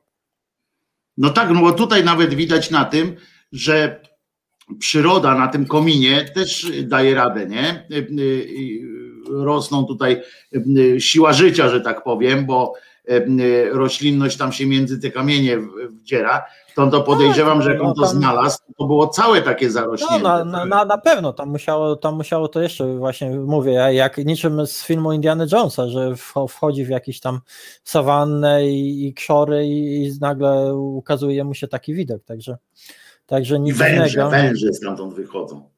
Może i tak, pająki i cała reszta. Tak. E, no. I, i, I tenże podróżnik niemiecki, on uznał, że no, to musi być e, ten kompleks, to musi być pałac biblijnej królowej Saby. Wiecie, królowa, królowa Saby, która w, e, odwiedziła Salomona i była, była ważną tam postacią, nawet e, jest ważną postacią, bo w takiej mitologii etiopskiej, ponieważ, ponieważ właśnie syn Saby i E, i e, Salomona miał być chyba pierwszym cesarzem etiopskim i tak dalej, także to w tym chrześcijaństwie w, w Etiopii też się przewija i w tej etiopskiej mitologii.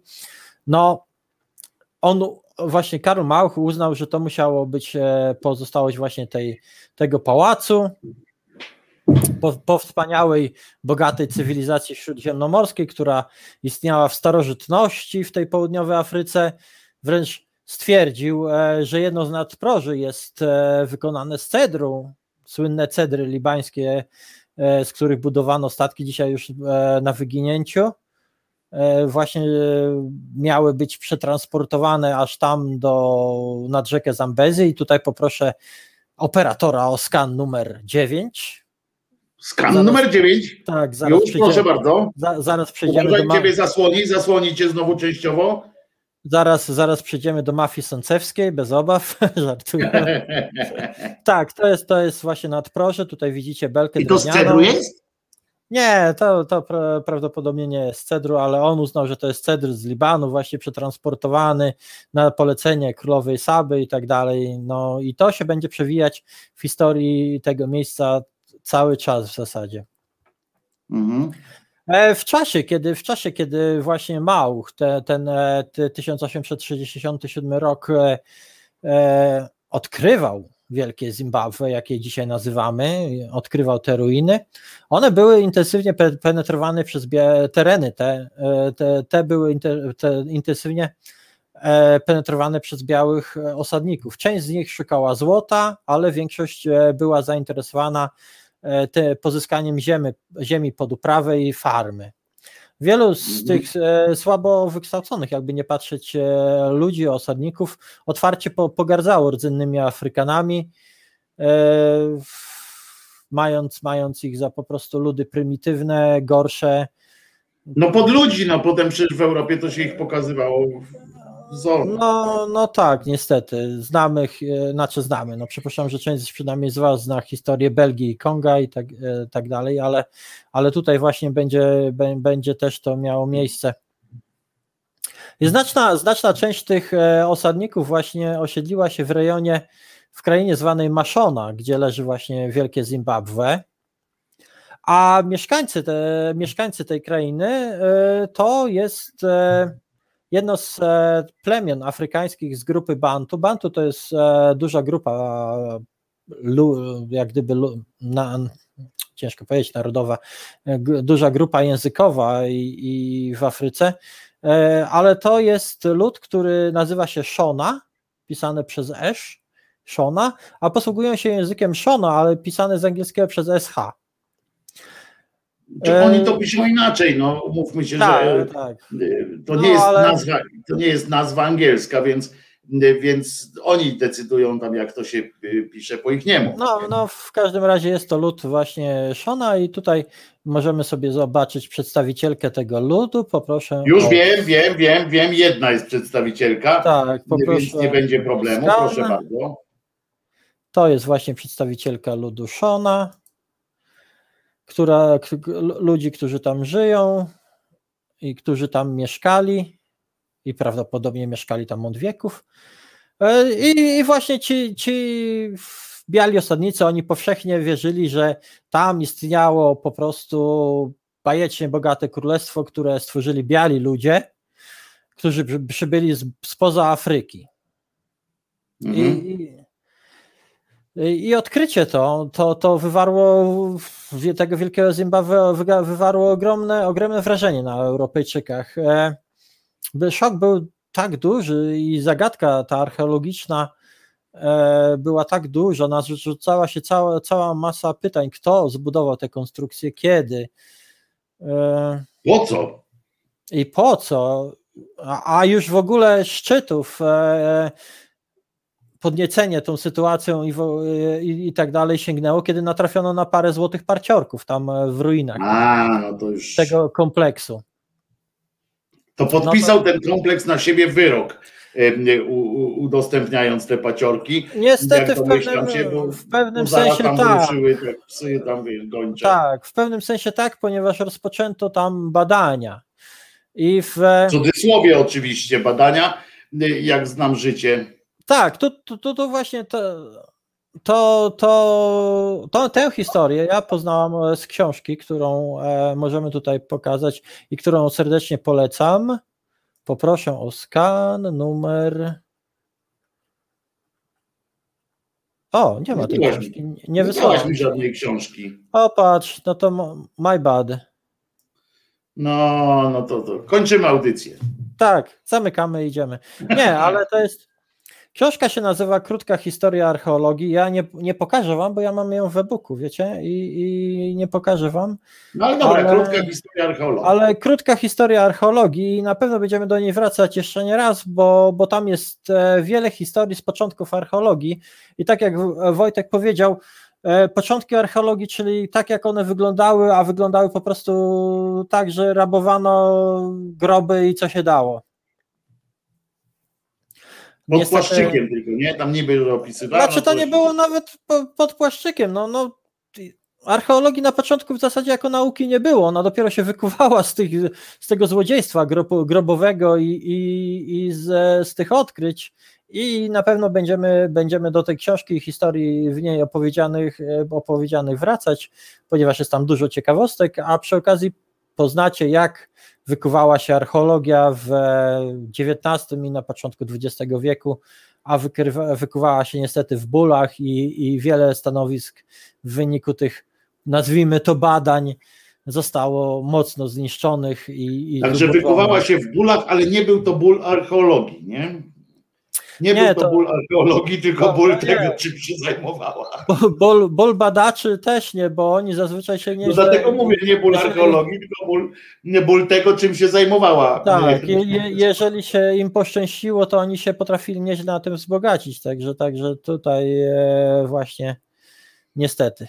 E, także pamiętajcie, krótka historia archeologii, można tę książkę, to wydawnictwo RM wydało, jest w e-booku dostępna i, i w papierze, także można sobie, można sobie zamówić, jeżeli kogoś interesuje.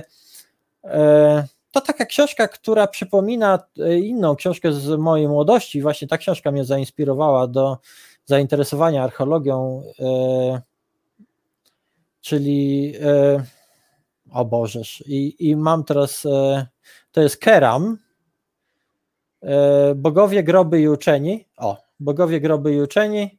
A Znana, to czytałem, to czytałem. jest, to jest klasyka i później nawet e, była tak zwana seria keramowska i dużo, dużo fajnych książek z tej serii wyszło. Ja też mam e, z tej serii ciekawe książki. Druga, druga taka książka to właśnie Zaginione cywilizacje takiego rosyjskiego uczonego, czy wtedy ra- radzieckiego.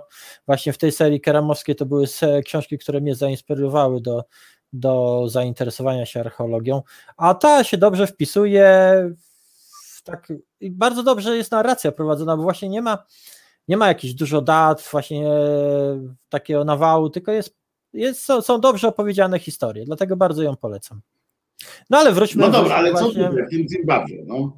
wróćmy do tego biednego Zimbabwe. Właśnie no plotki, plotki o, o, o, tych, e, o tych ruinach i o, o tych e, złotych paciorkach, odkryciach dotarły w 1891 roku do takiego biznesmena angielskiego Cecilia Johna Rhodesa i do członków e, British Association for the Advancement of Science. E, W skrócie nazwijmy to BAAS, a tłumaczy się ta nazwa jako Brytyjskie Stowarzyszenie na Rzecz Rozwoju Nauki. No, powiedzmy, że wtedy tak to się nazywało, no to jest koniec XIX wieku, no to już ta nauka jednak trochę wkraczała na salony, a archeologia z- zaczynała w- wysuwać jak gdyby głowę z tych amatorskich badań i, i s- e, jak gdyby stawała się nauką. I członkowie tego stowarzyszenia oraz ten biznesem postanowili e, sfinansować e, badania wykopaliska na terenie Wielkiego Zimbabwe i innych kamiennych ruin na, e, na północ od rzeki Limpopo. Jak ważne jest finansowanie badań, to o tym może opowiedzieć też kolega Julek, bo, bo u nas często się mówi, a czemu ci archeolodzy na przykład nie przebadają tego grodziska, oni ukrywają prawdę i tak dalej, tylko pamiętajmy, że te badania to jest kawał ciężkiej pracy, przerzucenie często ton ziemi i ktoś musi zapłacić za to, prawda? A to nie jest tak, że Nie. na. No nie, no tak. I, i, Indiana Jones za własne, za własne. a, no tak. No ale on widziałeś, żeby on kopał, on tylko chodził i w, właził, zabierał artefakt i uciekał. Ale uniwersytet mu płacił. No tak, a kto, kto, kto sponsorował uniwersytet? Dlatego, dlatego A nie środki wiem. są. No. Steven Spielberg. tak, z Ge- George'em Lucasem. Ale ten, e, a środki są, środki niestety są ważne i środki są ważne do dzisiaj. Kie- Kiedyś sobie zresztą mam zamiar taką zaprosić naszego kolegę i porozmawiać sobie o takich kulisach archeologii, ale to, to, to przy innej okazji. No w każdym razie oni zdecydowali się zasponsorować te wykopaliska.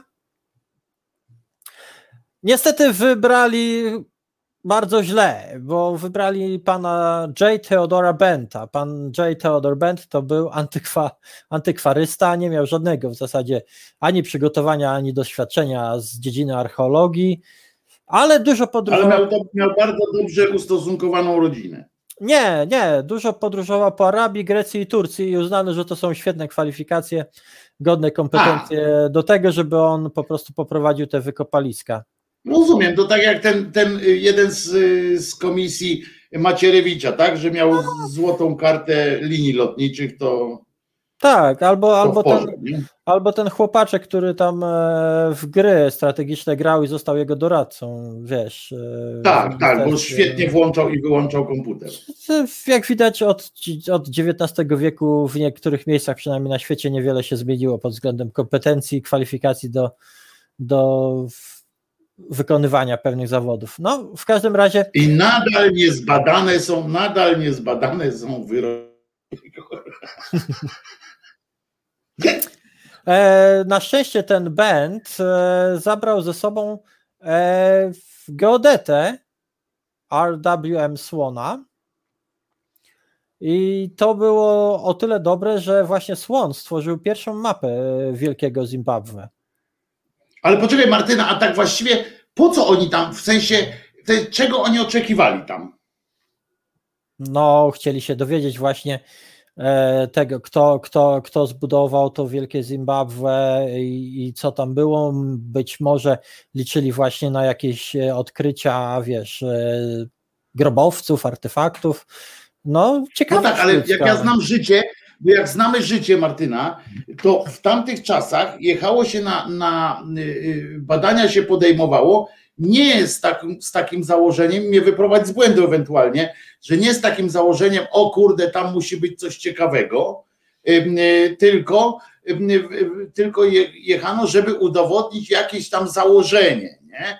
I tak jak ty mówisz tutaj, że jacyś biali na przykład tam też mogli, czy tam było coś takiego założenie na przykład, że oni jadą udowodnić, że, e, że to wszystko należało kiedyś do białych na powiem, przykład, albo po, że. powiem ci tak, założenie to nie wiem.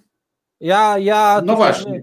Ja, ja się kieruję tym, że, że, że to brytyjskie Stowarzyszenie na Rzecz Rozwoju Nauki było naprawdę ciekawe.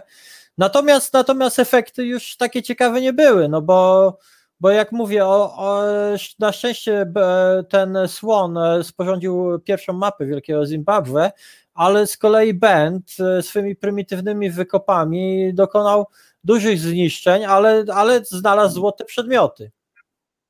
A, a- czyli wracamy jak- do, do, do korzeni. Tak, wracamy do korzeni, złoto, bo to wiadomo, dolary, ten, jak to tam wielka tajemnica wiary, złoto i dolary. I wiesz, jak już, Złoto, jest, jak już jest złoto, to jest dobrze. No, a ten band, no niestety ama, amatorszczyzna.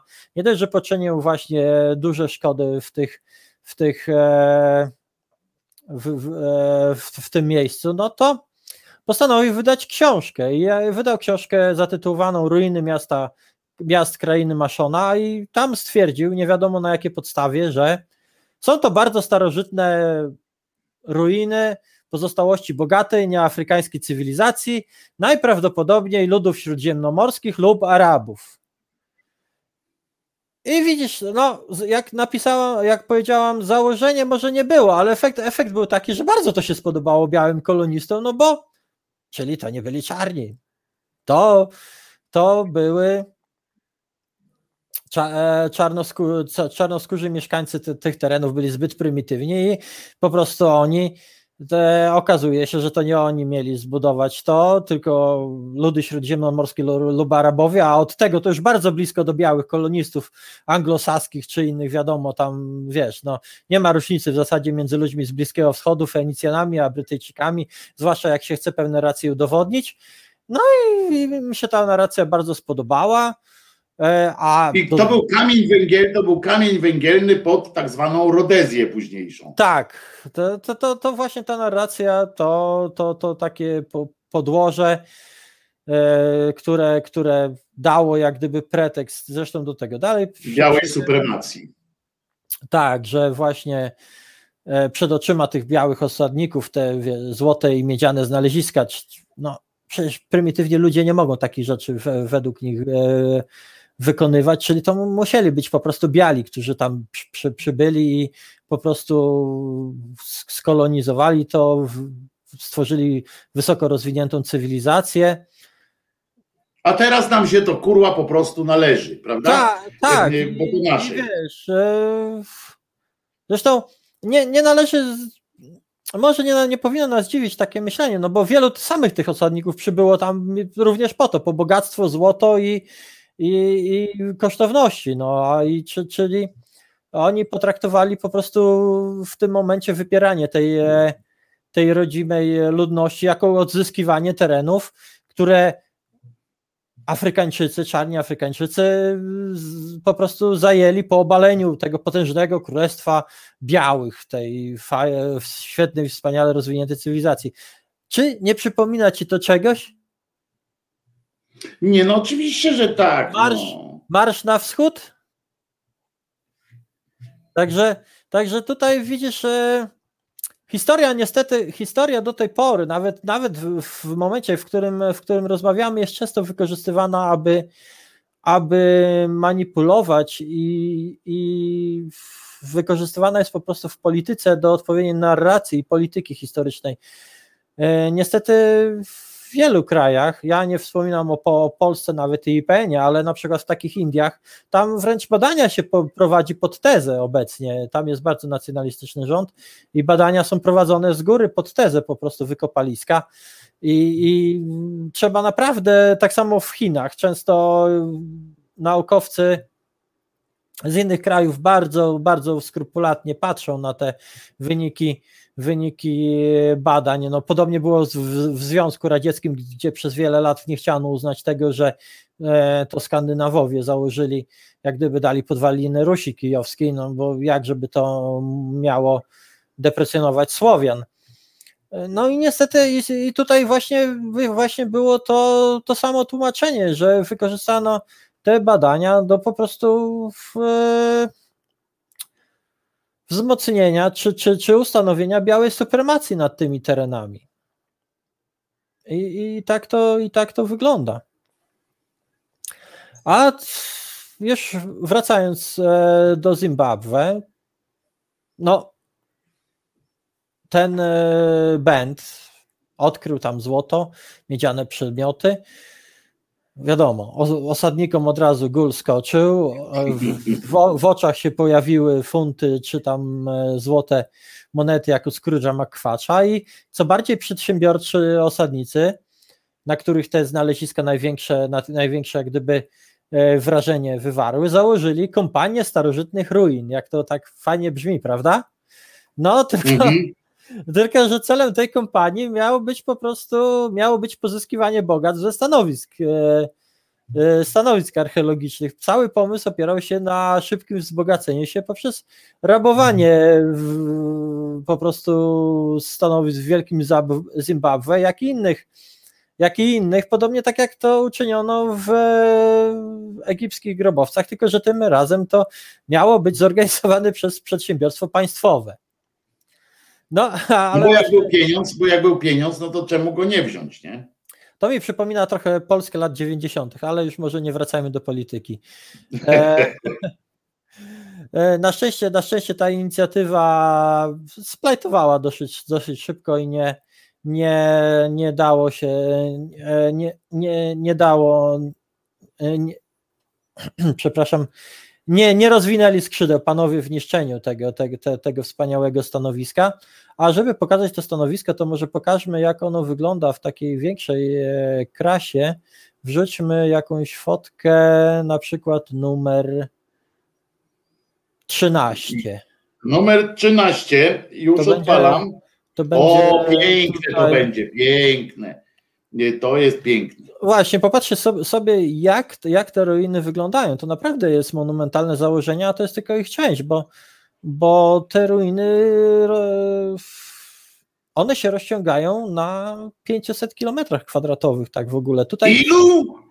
500 kilometrach kwadratowych, bo, o, bo zaraz, ja zaraz, ja zaraz na, na, na początek opowiemy sobie o tych odkryciach, a, a później przejdę do o, opowiedzenia o tym Zimbabwe. W każdym razie tutaj, tutaj widzicie właśnie, że to naprawdę robi duże wrażenie i miało prawo w ten sposób, w ten sposób oddziaływać. No ale wróćmy do, do, do Zimbabwe i tych wszystkich poszukiwaczy. jak, jak ta kompania starożytnych ruin e, splajtowała, no to pojawił się kolejny, kolejny amigo, miejscowy dziennikarz nazwiskiem Richard Hall, dziennikarz, Co to znaczy miejscowy? no miejscowy na W sensie, że on tam przyjechał, czy to już jest jeden z takich, co się tam urodzili też już? Nie wiesz tego. Dobra, spoko, spoko. spoko. nie, nie wiem tego, przypuszczam, że już mógł się tam urodzić, no bo to już jednak wiele lat po kolonizacji No tego dlatego właśnie pytam, no, czy białych osadników, już... dlatego, dlatego przypuszczam, że on tam się urodził i, i, i to, dlatego, dlatego został określony jako miejscowy. E, To kolejny badacz, który nie posiadał żadnych kwalifikacji, ani historycznych, ani archeologicznych, ale był dziennikarzem.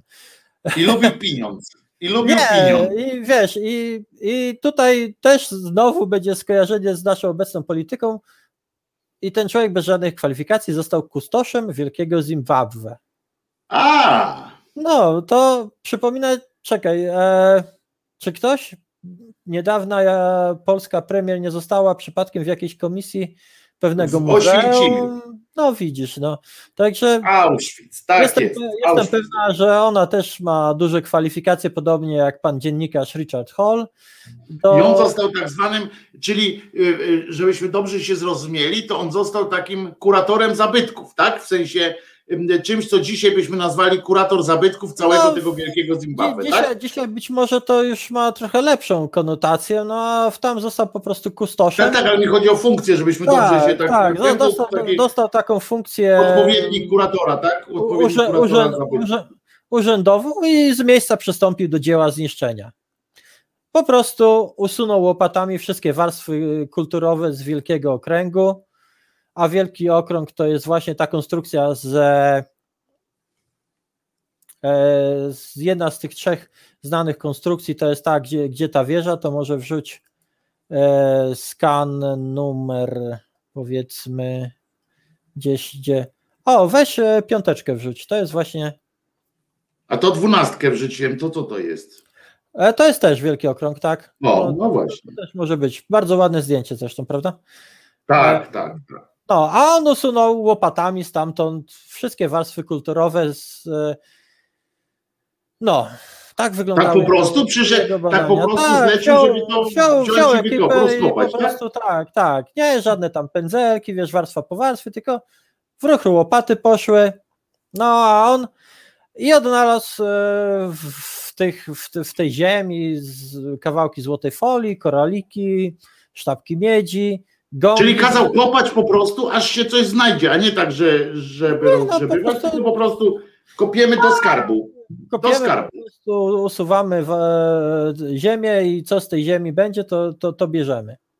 Mhm. No i on tam znalazł między innymi gongi z żelaza. Te gongi są dosyć ważne. Niestety nie mam tutaj zdjęcia tych gongów, ale gongi z, żela, z żelaza w e, tej tradycji afrykańskiej, e, one świadczą o tym, że w tym wielkim kręgu, zwanym też e, świątynią, e, prawdopodobnie znajdowała się siedziba i być może harem władcy, ponieważ e, te gongi są jak gdyby wyrażeniem jego władzy, tak jak u nas berło i, i tego typu rzeczy. Mhm, mhm. To właśnie ta, tam te, te, te gongi w afrykańskiej tradycji. Ale, ale on o tym nie miał jeszcze pojęcia. On znalazł tam też chińską porcelanę. I jako O! człowiek, tak, jako człowiek bez przygotowania historycznego, za to z zacięciem pi- pisarskim, no bo wiadomo, dziennikarz, czyli i, i, Już się odpiernicz. No, ale w każdym razie miał zacięcie dziennikarskie i pisarskie oraz dużo energii i zaczął promować właśnie tą wizję, że Wielkie Zimbabwe to dzieło e, ludu z Królestwa Saby, czyli tego Ofiru z południowej Arabii. E, to Królestwo Saby prawdopodobnie właśnie znajdowało się na terenach obecnego Jemenu. To jest kolejny niestety w dzisiejszych czasach dramatyczny obszar, gdzie trwa wojna domowa. Możecie to posłuchać na innych podcastach, nie u nas, bo my się polityką nie aż tak nie zajmujemy, ale polecam.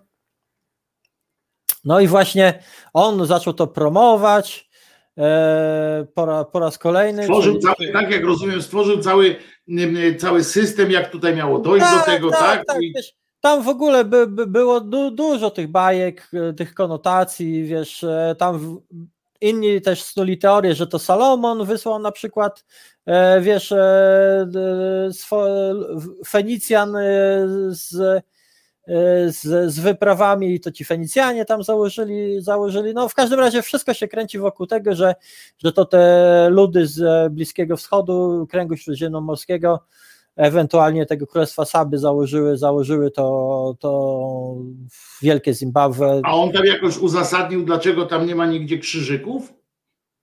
Nie.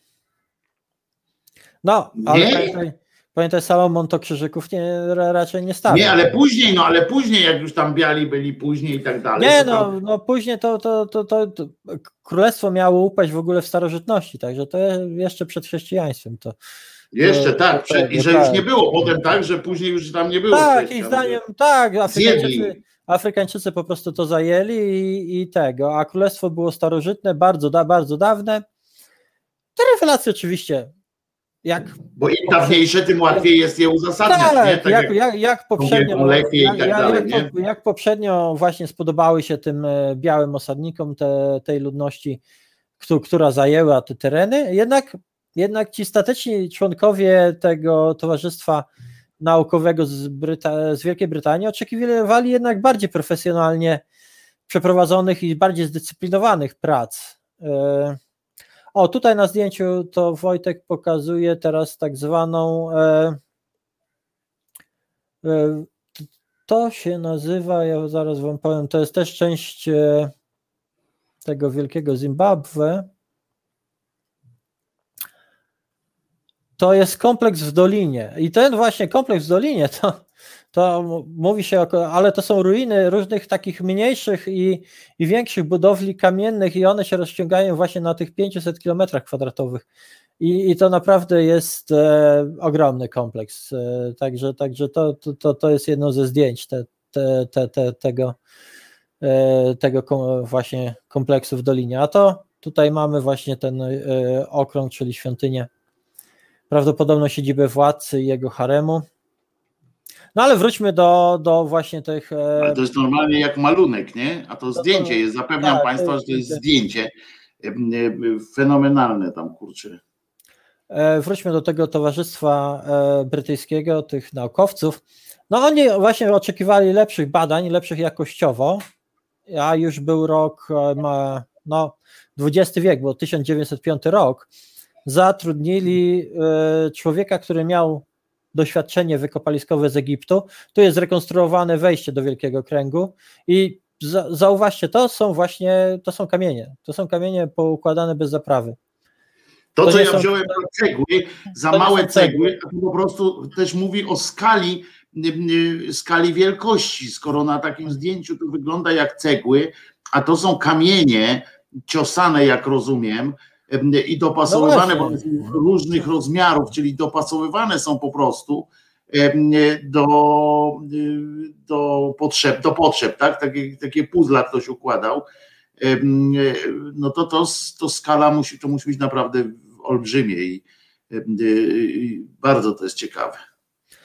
No i, i tutaj no, stanowi zagadkę. Wyobraź sobie, ile, ile energii, ile czasu, ile, ile pracy musiano poświęcić na, na budowę tego. Oczywiście to nie zrobiono z dnia na dzień, ale, ale zaraz przejdziemy do tego. E, Gio- Giorgio Cukanis na pewno y, ustaliłby to, y, że jednak się udało to zrobić z dnia na dzień. E, Kosmici. y, Kosmici. E, W każdym razie wróćmy do, do, do Davida Randalla McIvera. To, to był właśnie zatrudniony przez, e, przez to brytyjskie Towarzystwo Wspierania Nauki, o ile dobrze pamiętam tłumaczenie. E, Fachowiec, człowiek mający duże doświadczenie wykopaliskowe z Egiptu. Nauczył się on tam, czym właśnie jak ważne są artefakty dla ustalenia chronologii stanowiska.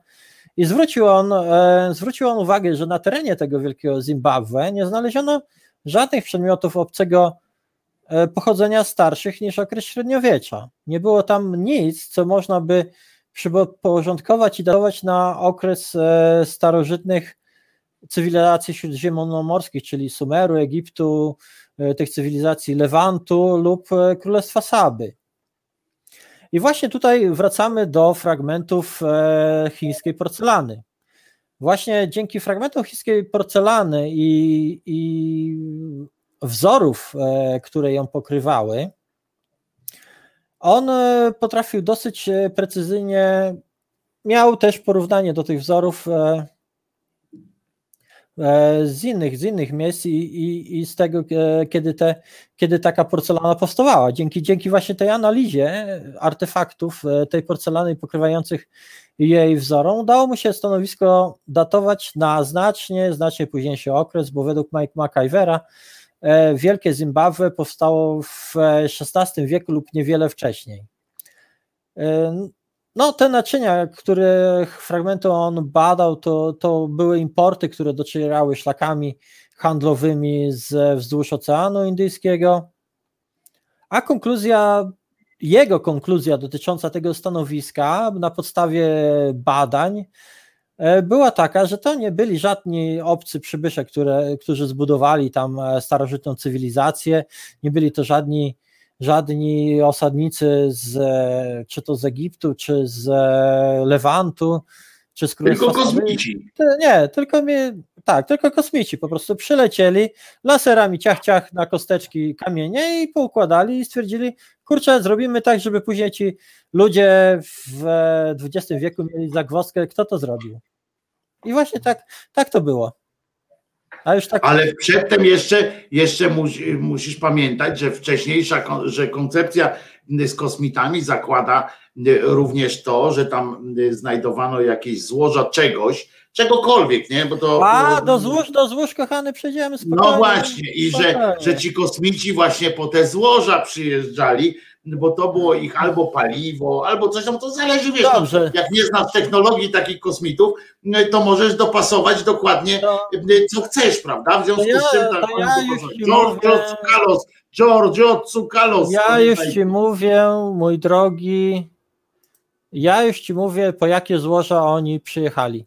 Tam w Zimbabwe były podobno znane od dawien dawna złoża antymonu. To jest taki metal, który występuje w wielu postaciach, a między innymi był używany podobno do, do tworzenia czernidła do oczu na Bliskim Wschodzie. Wiesz, jak popatrzę sobie na, e, na malowidła z Sumeru czy, czy rzeźby z Egiptu, to oni zawsze mają te oczy. Ja sobie właśnie dzisiaj też tak pomalowałam oczy dookoła na czarno. Pokażemy, pokażemy, pokażemy, uwaga, Niczym- przybliżamy. Dawaj oczy. A nie, to nie, to nie ty jesteś. No, to jestem ja, to ja. oczu. O, masz, no dawaj.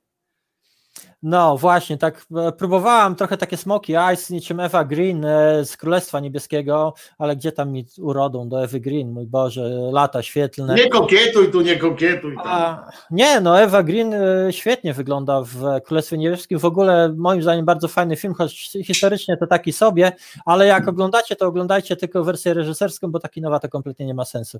Tylko wersja reżyserska Królestwa Niebieskiego. Ale wróćmy do tego czernidła. Ja wam tutaj pokażę, kochani, właśnie, że antemon był używany do czernidła i czernidło jest do tej pory używane w Indiach, na przykład na Bliskim Wschodzie, do malowania oczu. Proszę bardzo, ja sobie też tutaj zamówiłam, to możecie, e, możecie sobie w Polsce to zamówić. Są sklepy internetowe, które z krajów muzułmańskich, arabskich, tam z Maroka na przykład, czy, czy z innych, sprowadzają i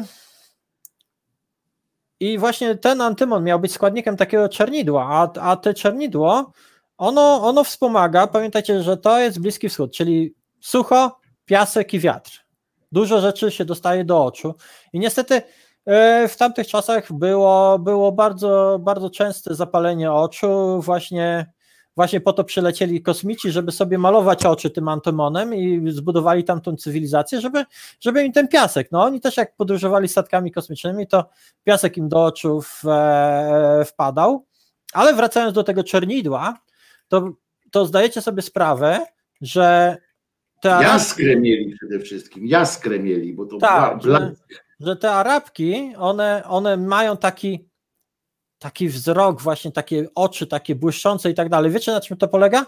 Ja tu- tu- tutaj Wojtek, e, weź mnie przybliż, pro, poproszę. To one właśnie sobie zakreplają. Tu jest e, czernidło w proszku z taką rureczką. Tu, e, do tej ru- rureczki też się kropelkę wody wprowadza i miesza się z tym czernidłem i zakrapla się oczy i ten, te czernidło osadzając się na krańcach oka powoduje właśnie w taki fajny smoky efekt, może kiedyś porozmawiamy zresztą o makijażach w starożytności i tak dalej, jest dla pań, ale może nie tylko dla pań. Ale to się wlewa do oka? Tak, tak, zakrapla się po prostu do oka.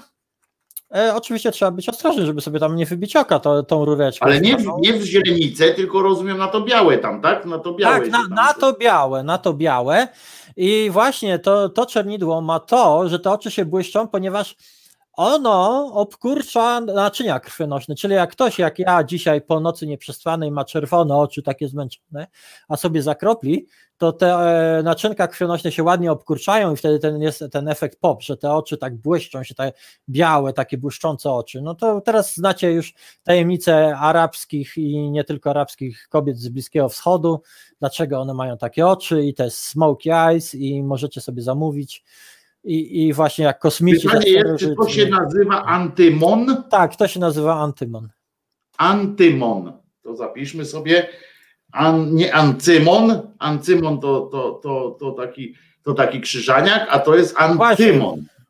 Tak, i, i, i ja, ja tutaj znalazłem taką informację, którą starałam się znaleźć na polskiej Wikipedii, że, że podobno w jakimś grobowcu księżniczki egipskiej z VI dynastii znaleziono czernidło do rzęs i oczu sporządzone na bazie z antymonu. I podobno w starożytności nie znano innych złóż e, tego pierwiastka w, na przykład w Algierii czy Maroku, za to za to dawien dawna znaczy znano je w e, dożyciu Zambezji, czyli tam, gdzie znajduje się Zimbabwe, ale powiem wam, że nie znalazłam e, potwierdzenia tego, także tą polską Wik- Wikipedię należy traktować e, z przymrużeniem oka czasami, bo ja naprawdę rzadko korzystam z polskiej, jeżeli chodzi o świat, w angielskiej są jednak bardziej wiarygodna jest angielska, angielska, ale z tym antymonem to rzeczywiście, rzeczywiście on był używany też do wyrobu czernidła, bo jedna z jego wersji, e, w której występuje, jest taka, że ona jest bardzo czarna i, i on też był używany do, do czernienia tych oczu. I między innymi po to tam mieli to właśnie ci kosmici przylecieć i sobie oczy czernić i zbudowali cywilizację.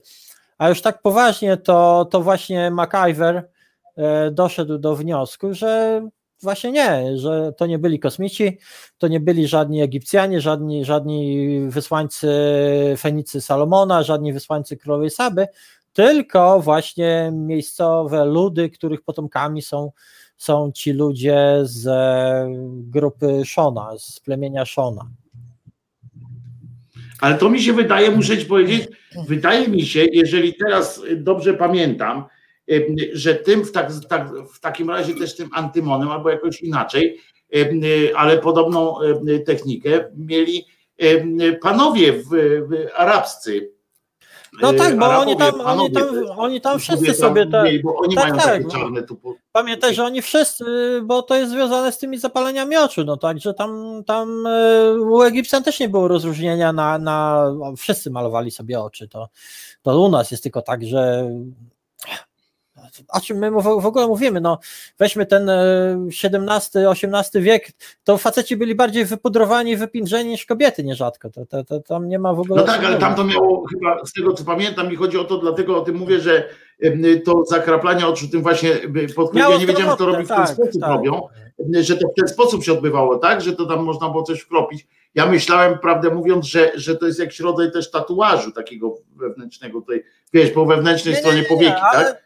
Ale to te, też, e, bo to wiesz, Takie no- oczy wtedy masz takie zogniskowane, prawda? Wtedy masz Tak, takie tak, ale, ale to te, ciebie. też, te, te też można było stosować maź, ja tutaj pokazałam proszek, ale, to, ale tutaj, to, to, tutaj na przykład jest taki sztyft, ja sobie właśnie tym sztyftem malowałem dzisiaj oczy, także, także to, to, to, to, to się nazywa kajal albo kol I, i to w różnych postaciach i to jest w zasadzie od, od e, Maroka aż po Indię i może dalej stosowane w całym tym pasie właśnie e, w- tych, z tych e, po prostu też względów zdrowotnych, a, a że pomaga właśnie na urodę, no to mówię, Eva Green moim zdaniem bardzo ładnie wygląda w Królestwie Niebieskim. No ale wróćmy, wróćmy właśnie do Zimbabwe, które okazało się, że Pytanie mam jeszcze jedno y, urodowe, a są inne, czy już rynek wpadł na to, żeby inne kolory też zrobić tego, bo jak znam życie, to skoro to jest takie dobre i, i ten, to, to rynek może już wpadł na to, że można sobie takie oczy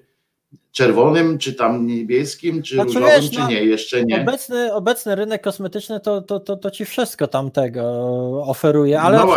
Egipcjanie, Egipcjanie używali zielonego, to się nazywało zieleń malachitowa i, i oni używali właśnie takich modnych teraz od, od jakiegoś czasu kosmetyków mineralnych na bazie, na bazie z, e, sproszkowanych minerałów, czyli malachitu na przykład i właśnie ziele, zielenią malachitową, która też przeciwko jaskrze miała, miała podobno im pomagać. Ja myślę, że zrobimy kiedyś taki urodowo-medyczny e, odcinek na temat pielęgnacji urody, bo tam niektóre przepisy to są naprawdę. Ale jeszcze do, wracając do antymonu, bo czytałem sobie o tym antymonie, to wiecie co to jest wieczna pigułka? To będzie niesmaczne, to, to od razu, od razu o, e, ostrzegam. Wieczna pigułka to była właśnie e, kuleczka wykonana z metalicznego antymonu, który ma też działanie e, powodujące rozwolnienie. Jeżeli ktoś chciał wywołać rozwolnienie, to łykał taką pigułkę i ponieważ ona, ten, ten antymon był w postaci metalicznej, to on mógł ją używać wielokrotnie. O kurwa.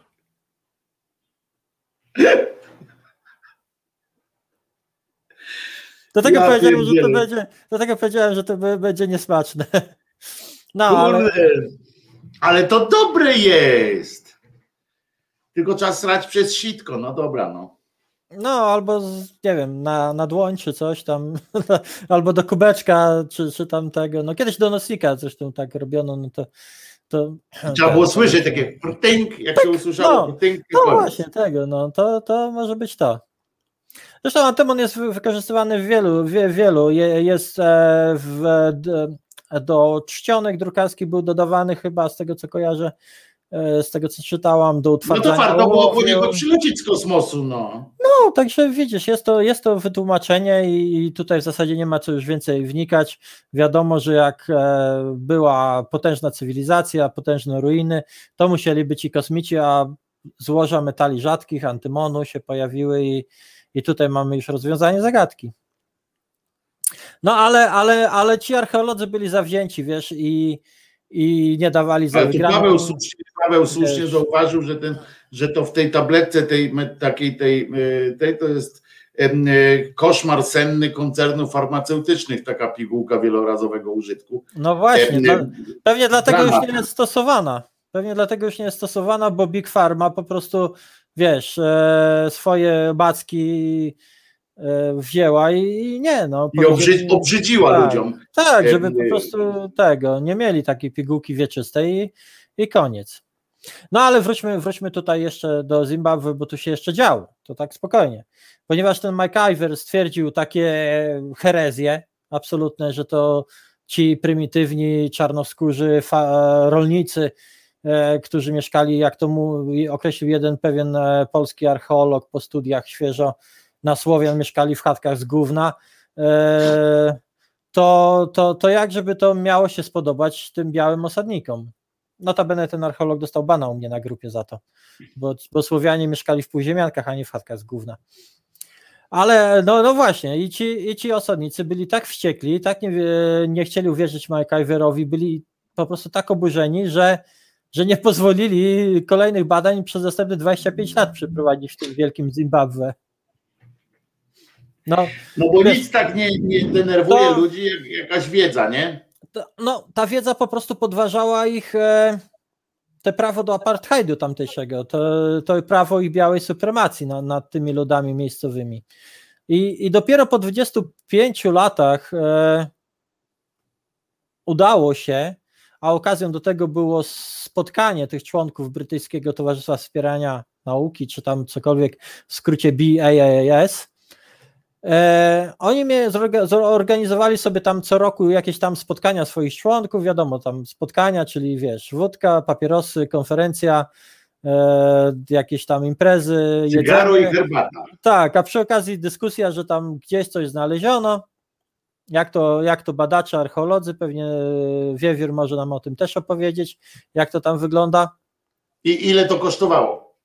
Tak, i, i tego. I oni zorganizowali sobie takie spotkanie w Afryce Południowej, a przy okazji postanowiono sfinansować kolejne prace badawcze w, w tym wielkim Zimbabwe. A do ich przeprowadzenia tym razem poproszono kobietę, panią Gertrude Caton Thompson.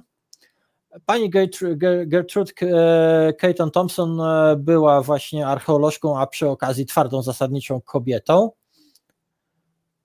E, czy kulka Lady czyta wieczysta? Lady czyta teraz e, e, pytanie, które e, z Czy kulka-. Pytanie, Czy czy kulka- kulka Czy kulka należała do masy spadkowej?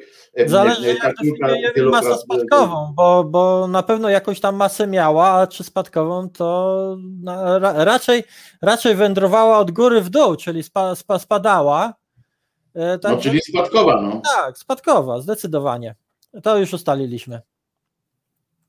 I ta archeolożka, ona też uczyła się, jak większość pewnie brytyjskich archeologów. Przepraszam, ale mi się skojarzyło od razu, tam, wiesz, masz taką kulkę, no sorry, wiem, zawsze jak coś powiesz takiego, to ja potem mam te chore swoje i Państwo też, nie, taką kulkę, nie, jak masz w domu, na przykład jak z pokolenia na pokolenie ją trzymasz, nie, Tak, jeszcze kulkę. moja prababka srała tą kulką.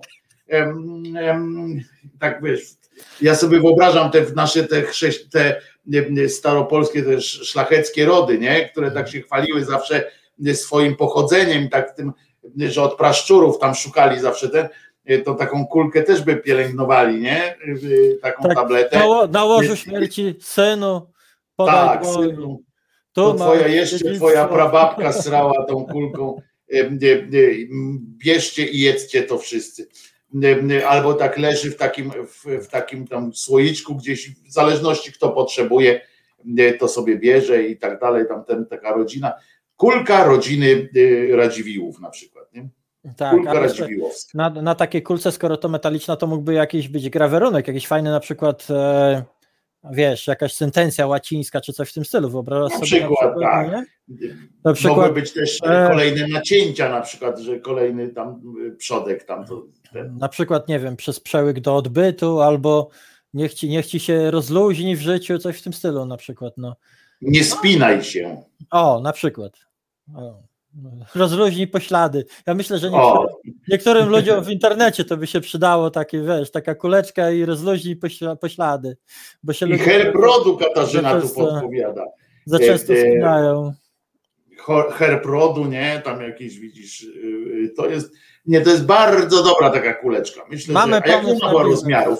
Coś wiadomo, jakie rozmiary miała? Nie wiem, powiem ci szczerze, że nie szukałam tego, ale możemy poszukać. No, no, no, może na, znajdziemy jakieś kulki na, na przyszłą audycję. Tak, e, Nie chce, a wyspa nie chce sugerować, co by się w tym grawerunku yy, gromadziło.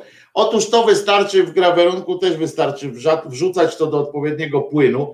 Yy, Skoro wymyśliliśmy płyn, że zęby można nie myć, tylko wkładać do, do, do filiżanki szklanki. i rano, do szklanki i rano wyciągać nówka czyste Pewex, yy, to, to i taką kulkę by się znalazło.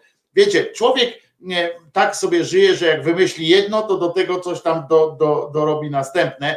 Jestem pewien, że jakby ktoś wpadł na taki pomysł przechodzenia kulki z rąk do rąk, no, no może z rąk do rąk to za dużo powiedziane, z dupy do dupy, to myślę, że, wynale- że natychmiast by się znalazło coś, co tam wypalałoby to, co się w, grawerunku mieści.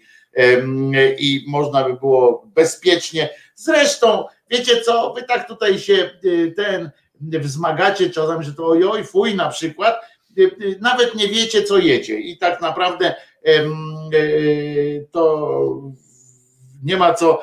Czystsze taka kulka by była, jak ją umyć i spożyć, niż, niż te y, leki, które bierzecie z tych, z pudełek albo inne rzeczy. Jeszcze, jeszcze taką sentencję biblijną e, weź ukuj, ty- typu czystsza kulka wieczysta, niźli coś tam, no nie? No właśnie. Nawet kulka, nawet z kulką łatwiej do nieba przejdziesz. No. Tak. Taka Prędzej, kulka pomagała przecież zachować linię. Dzisiaj kobiety, słuchajcie, właśnie. żeby tak- przez tak ucho, żeby przez ucho igielne przejść.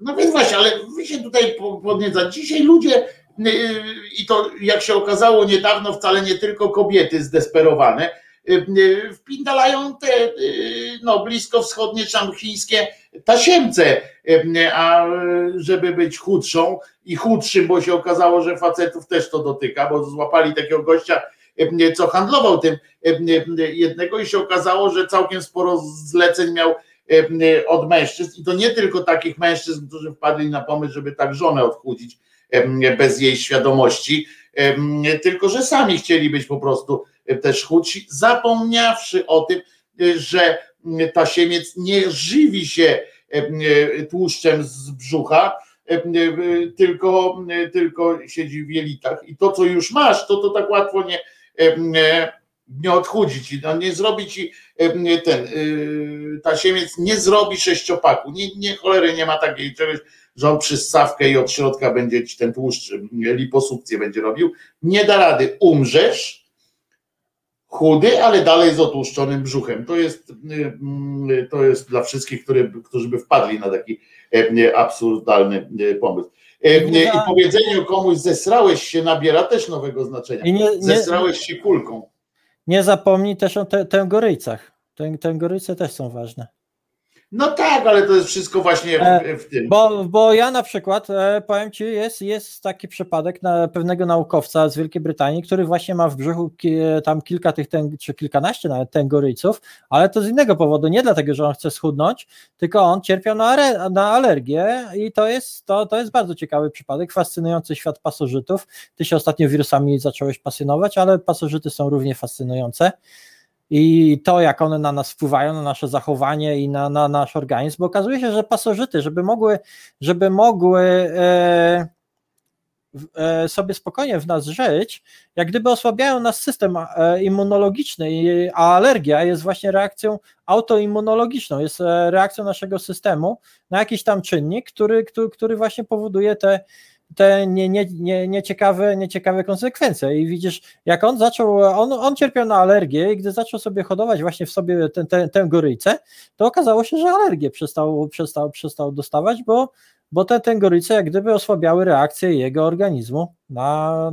Umarł szybciej, ale za to zdrowy. Nie, nie, on, on żyje, tylko on to badał autentycznie i to jest właśnie bardzo ciekawy, bardzo ciekawy przykład, bo na, nas szokują takie rzeczy, ale pamiętaj, że teraz w szpitalach, w takich zaawansowanych szpitalach do ciężko gojących się ran też stosuje się muchy plujki, które wyżerają gnijące mięso, a, a zostawiają zdrową tkankę, także, także te takie szokujące... to nie od teraz, to, to w XIX wieku już też to robiono. E, tak, e, no, ale e, w pewnym momencie na, na, na nas takie rzeczy szo- szokowały, wiesz, obrzydzały i tak dalej. Podobnie jak, jak e, przekładanie pijawek. W pewnych okazuje się, okazuje się, że w pewnych przypadkach jak najbardziej sensowne zastosowanie to ma. Także Przykładanie też pijawek stare, to stare, dobre. Przykładanie pijawek to jest jedna z najlepszych, z najlepszych mm, technik, zwłaszcza przy krzepliwości, nadmiernej krzepliwości krwi.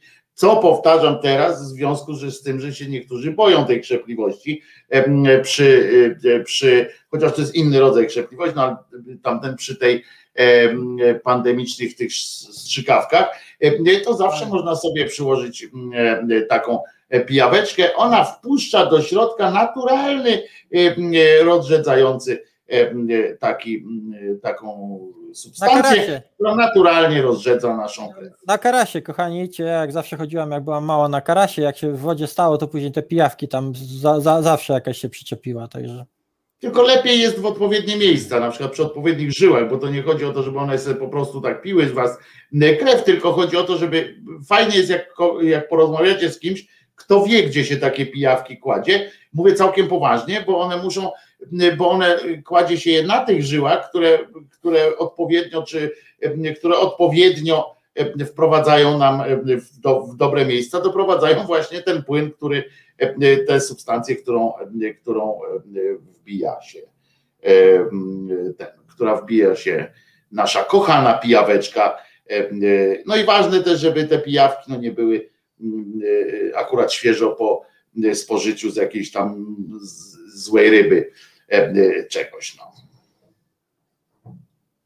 Ja się obawiam, że teraz nasi słuchacze z tej całej naszej ględźby dzisiejsze to zapamiętają pijawki, e, I kulkę przede kulka, kulka. tasiemce i kulki.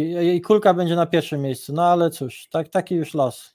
No ale taki jest los. Y, y, Jak pracowałem w szkole, to ja też, wiesz, gadam, gadam na przykład 45 minut y, o czymś ciekawym, moim zdaniem, a na końcu powiedziałem y, jakiś coś tam żartem i oczywiście egzamin mógłbym robić z tego żartu, nie?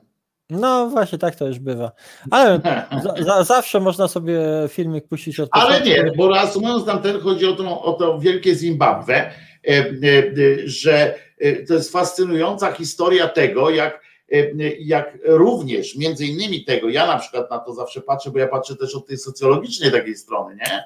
E, e, Czyli jak e, takie mm, e, taka e, archeologia, no nazwijmy ją archeologia, chociaż na początku to był tam przecież łupiaszcze tylko po prostu, e, jak to stoi w, w, w służbie manipulacji em, generalnie. Tak. Nie?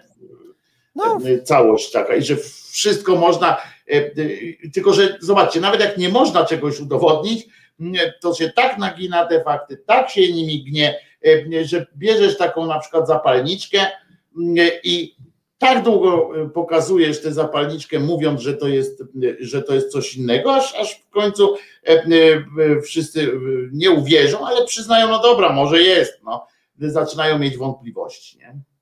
No myślę, że, że, że o tym jeszcze porozmawiamy, o, o te, te, te, tego typu podejściu. Dlatego, dlatego tak ważna jest rzetelność w nauce, bo nauka jednak powinna, po, powinna podlegać sprawdzaniu, falsyfikacji, powinna, powinna być e, cały czas testowana. To jest właśnie to i myślę, że będziemy do tego wracać jeszcze, jeżeli, jeżeli w pewnej audycji poruszymy problem e, naszego polskiego, oczywiście tutaj w dużym cudzysłowie, bo leżącego na terenie Polski, biskupina znanej, znanej osady kultury łużyckiej. I, i tutaj też na pewno będziemy mogli o tym opowiedzieć, bo to przecież biskupin został e, odkryty niedługo przed wojną i, i zarówno Polacy, jak i Niemcy chcieli tą osadę przy, przyporządkować swoim przodkom, a, a tak naprawdę to chy, chyba nie byli to przodkowie ani jednych, ani drugich.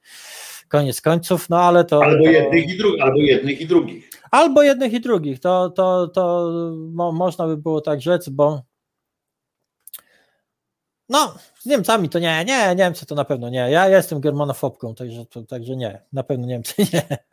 Jak przyjdzie ochota, to i pies kota wyczhrobota, ym, y, więc nie ma takiej możliwości, żeby jak.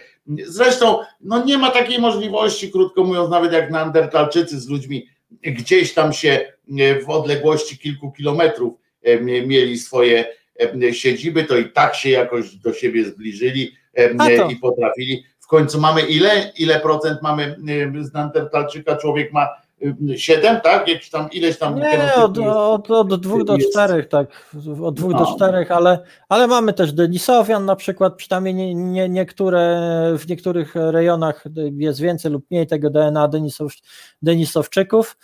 Denisowczyków, którzy, którzy zostali właśnie wyodrębnieni dzięki jednej malutkiej kosteczce z paliczka i badaniom DNA, co ciekawe, ale może o nich też opowiemy innym razem. Czyli No, krótko mówiąc, nie ma takiej możliwości, żeby, żeby mieszkańcy tego, Biskupina, żeby mieszkańcy tego. Biskupina byli czyści genetycznie. Nie, nie, nie, absolutnie. Ja, ja jestem zdecydowaną e, przeciwniczką jakiejś tam czystości e, krwi rasowej czy genetycznej, bo to, bo to jest w ogóle nonsens. I wiesz, i, i tego typu nauki, to, to, to, to w czasie II wojny światowej, wiesz, mierzyli nosy, czaszki i tak dalej. Teraz ludzie sobie badania DNA robią i sobie udowadniają, że oni, wiesz, e, są tacy, a nie inni, a to, to w ogóle nie na tym polega. Ta, ta, także ja tutaj jestem absolutnie przeciwko, a ludzie tak naprawdę prawdopodobnie z innymi gatunkami ludzkimi to już przemieszali na terenie Afryki jeszcze przed wyjściem, także spokojnie jeszcze genetyka tutaj ma dużo do powiedzenia w tym, w tym zakresie. No ale wróćmy do tego Zimbabwe, E, czyli, czyli właśnie znalazły się środki i pani Gertrude e, Caton Thompson została wybrana, tym razem w pełni profesjonalna osoba, druga już profesjonalna osoba na, na wykopaliska w, Jak na 300 lat, to muszę ci powiedzieć, że idziemy w, idziemy w profeskę. Tak, tak. Zdecydowanie, wiesz, ona, ona e, się uczyła archeologii pod, e, pod nadzorem czy, czy pod okiem Flindersa Petriego, a Flinders Petri to w archeologii jest legenda, ponieważ on odkrywał te grobowce w Egipcie i, i o nim na pewno też będziemy kiedyś rozmawiali. Tylko, że właśnie Flinders Petri e, odkrywał grobowce w Egipcie i można by powiedzieć, że pławił się w blasku sławy i, i tego, wiesz, e, blasku złota z tych grobowców, tych, tych, tych wielkich znalezisk. Natomiast, natomiast ta pani archeolog, e, Keaton Thompson, ona zajęła się e, osadami paleolitycznymi, między innymi zorganizowała taką ekspedycję i badała tego typu stanowiska paleolityczne, czyli dużo, dużo przed Egip- powstaniem takiej egipskiej cywilizacji e, w oazie Fayum i ona po prostu bardzo dobrze się nadawała do, do, do, do przeprowadzenia tych wykopalisk w Wielkim Zimbabwe. Ona, ona nauczyła się zwracać uwagę właśnie na małe artefakty, na datowanie krzyżowe, wykorzystanie przedmiotów, e, które już e, były datowane do ustalania wieku prehistorycznych osad, także to była już pełna pro, pro, profeska i w roku 1928 na wozie zaprzeżonym woły pojawiła się na tymże stanowisku.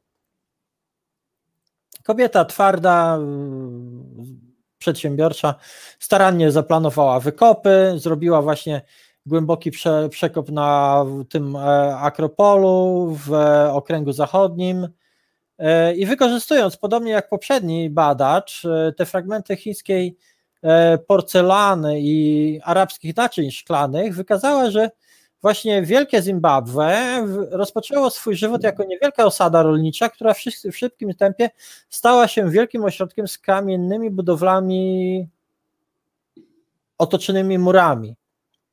Czyli Ona ktoś po- tam, krótko mówiąc, ktoś tam, e, najpierw to była mała osadka, podejrzewamy tak, Tak, że i, i nagle wiesz, był, nie, ale nie rolniczy, to nie był rolniczy lud. to był nie? rolniczy lud. Nie, to był rolniczy, to była rolnicza osada. rolniczy, tak? Tak, I że tak. ktoś tam nagle musiał dotrzeć, albo ktoś tam stamtąd nagle się musiał wzbogacić nieźle, e, żeby nagle kupować te, te, te wszystkie rzeczy. No. No, albo po prostu mieli takiego jak my Mieszka, który, lub jednego z jego przodków, który stwierdził, no dobra, jest fajnie, kurczę, wiesz, ziemia się, pójdę za dobrze, górkę. da- ziemia się dobrze uprawia, tutaj bogacimy się, handel kwitnie. Pamiętajmy, że tam w tej Afryce to naprawdę to nie byli dziecicy ludzie, oni wszyscy handlowali ze sobą, e, handlowali poprzez inne plemiona z dalszym światem i tak dalej, także Także, tak, także ten handel kwitł i może tam tamtejszy ich jakiś mieszko stwierdził, no dobra, to ja będę waszym wodzem, wybudujcie, wybudujecie mi pałac, e, przy okazji jakąś tam świątynię, kompleks dla naszych bogów, tutaj zrobimy fortecę i wiesz, i A ja nie pozwolę wam krzywdy zrobić, albo was Tak. nie sprzedam innym, No. albo nie będę was sprzedawał. na przykład, no to są, na, to, to są nasze dywagacje, no ale, ale, ale ktoś musiał, Ale coś musiało takiego nastąpić, musiała, bo musiała się tam wytworzyć jakaś elita, no. która, która właśnie. Popatrzmy, wrzu- wrzu- wrzuć, wrzuć jeszcze raz y, któreś ze zdjęć pokazujących ten komple- kompleks. Musimy sobie zdać sprawę, że naprawdę wybudowanie tego. zaje- ja to piękne zdjęcie pokażę, to ładne. Wybudowanie tego z tych oczesanych e, kamiennych e, bloków e, w kształcie cegieł, jak to Wojtek stwierdził, naprawdę musiało kosztować masę pracy.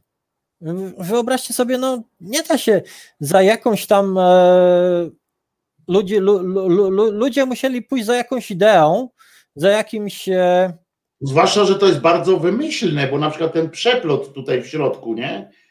Zauważyłaś ten przeplot, tak jak to kółko jest, nie? W środku to Mhm. małe kółko, e, w środku tej, tej budowli i potem jest taki ładny przeplot z tego wychodzi e, kamienny, taki, ten, taki No, podwójny murek. Mieli, To, to, mieli, to, to jeszcze jest jakieś poczucie estetyki do tego Nie, musiało dojść. wi, wi, wi, widać, że, że był tam ktoś e, na miarę No, to myślał o tym. Może na, ktoś na miarę tego pierwszego projektanta piramid, Imhot, Imhotep chyba on się nazywał w Egipcie, ale tutaj też był ktoś taki, kto po prostu jakaś wybitna jednostka, która to zaplanowała i pod, no i mówię, ludzie musieli pójść za jakąś ideą, za, za czymś być. Może była to idea religijna, społeczna, mo, może pomieszanie tego wszystkiego.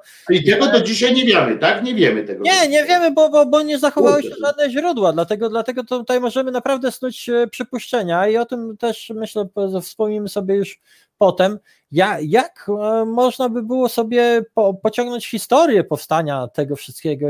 Tutaj w zasadzie można po, popuścić wodze fantazji, aby... O, mamy telefon. Siostra Dorota. Siostra Dorota, no to witamy. Co chcesz, siostra? E, Ja tylko króciutko pytanie do Martyny. Cześć w ogóle Martyna. E, A, dzień dobry. Interesuje mnie, to, czy znaleziono, czy, czy istnieją jakieś informacje na temat narzędzi, na przykład którymi wykonano, wyciosano te kamienie. No czy właśnie gdzieś, nie. Czy, czy pozostały jakieś Właśnie e, nie. materialne, że tak powiem, no nie wiem, fragmenty tych narzędzi, bo to, bo kamień to nie jest taki mięciutki jak drzewo, to musi być jakieś narzędzie odpowiednio twarde, żeby udało się tak idealnie po prostu to, to, to wyciosać. Ja, ja się już wyłączę i będę słuchać Martyny odpowiedzi. Cześć Martynka. E, tak, no właśnie.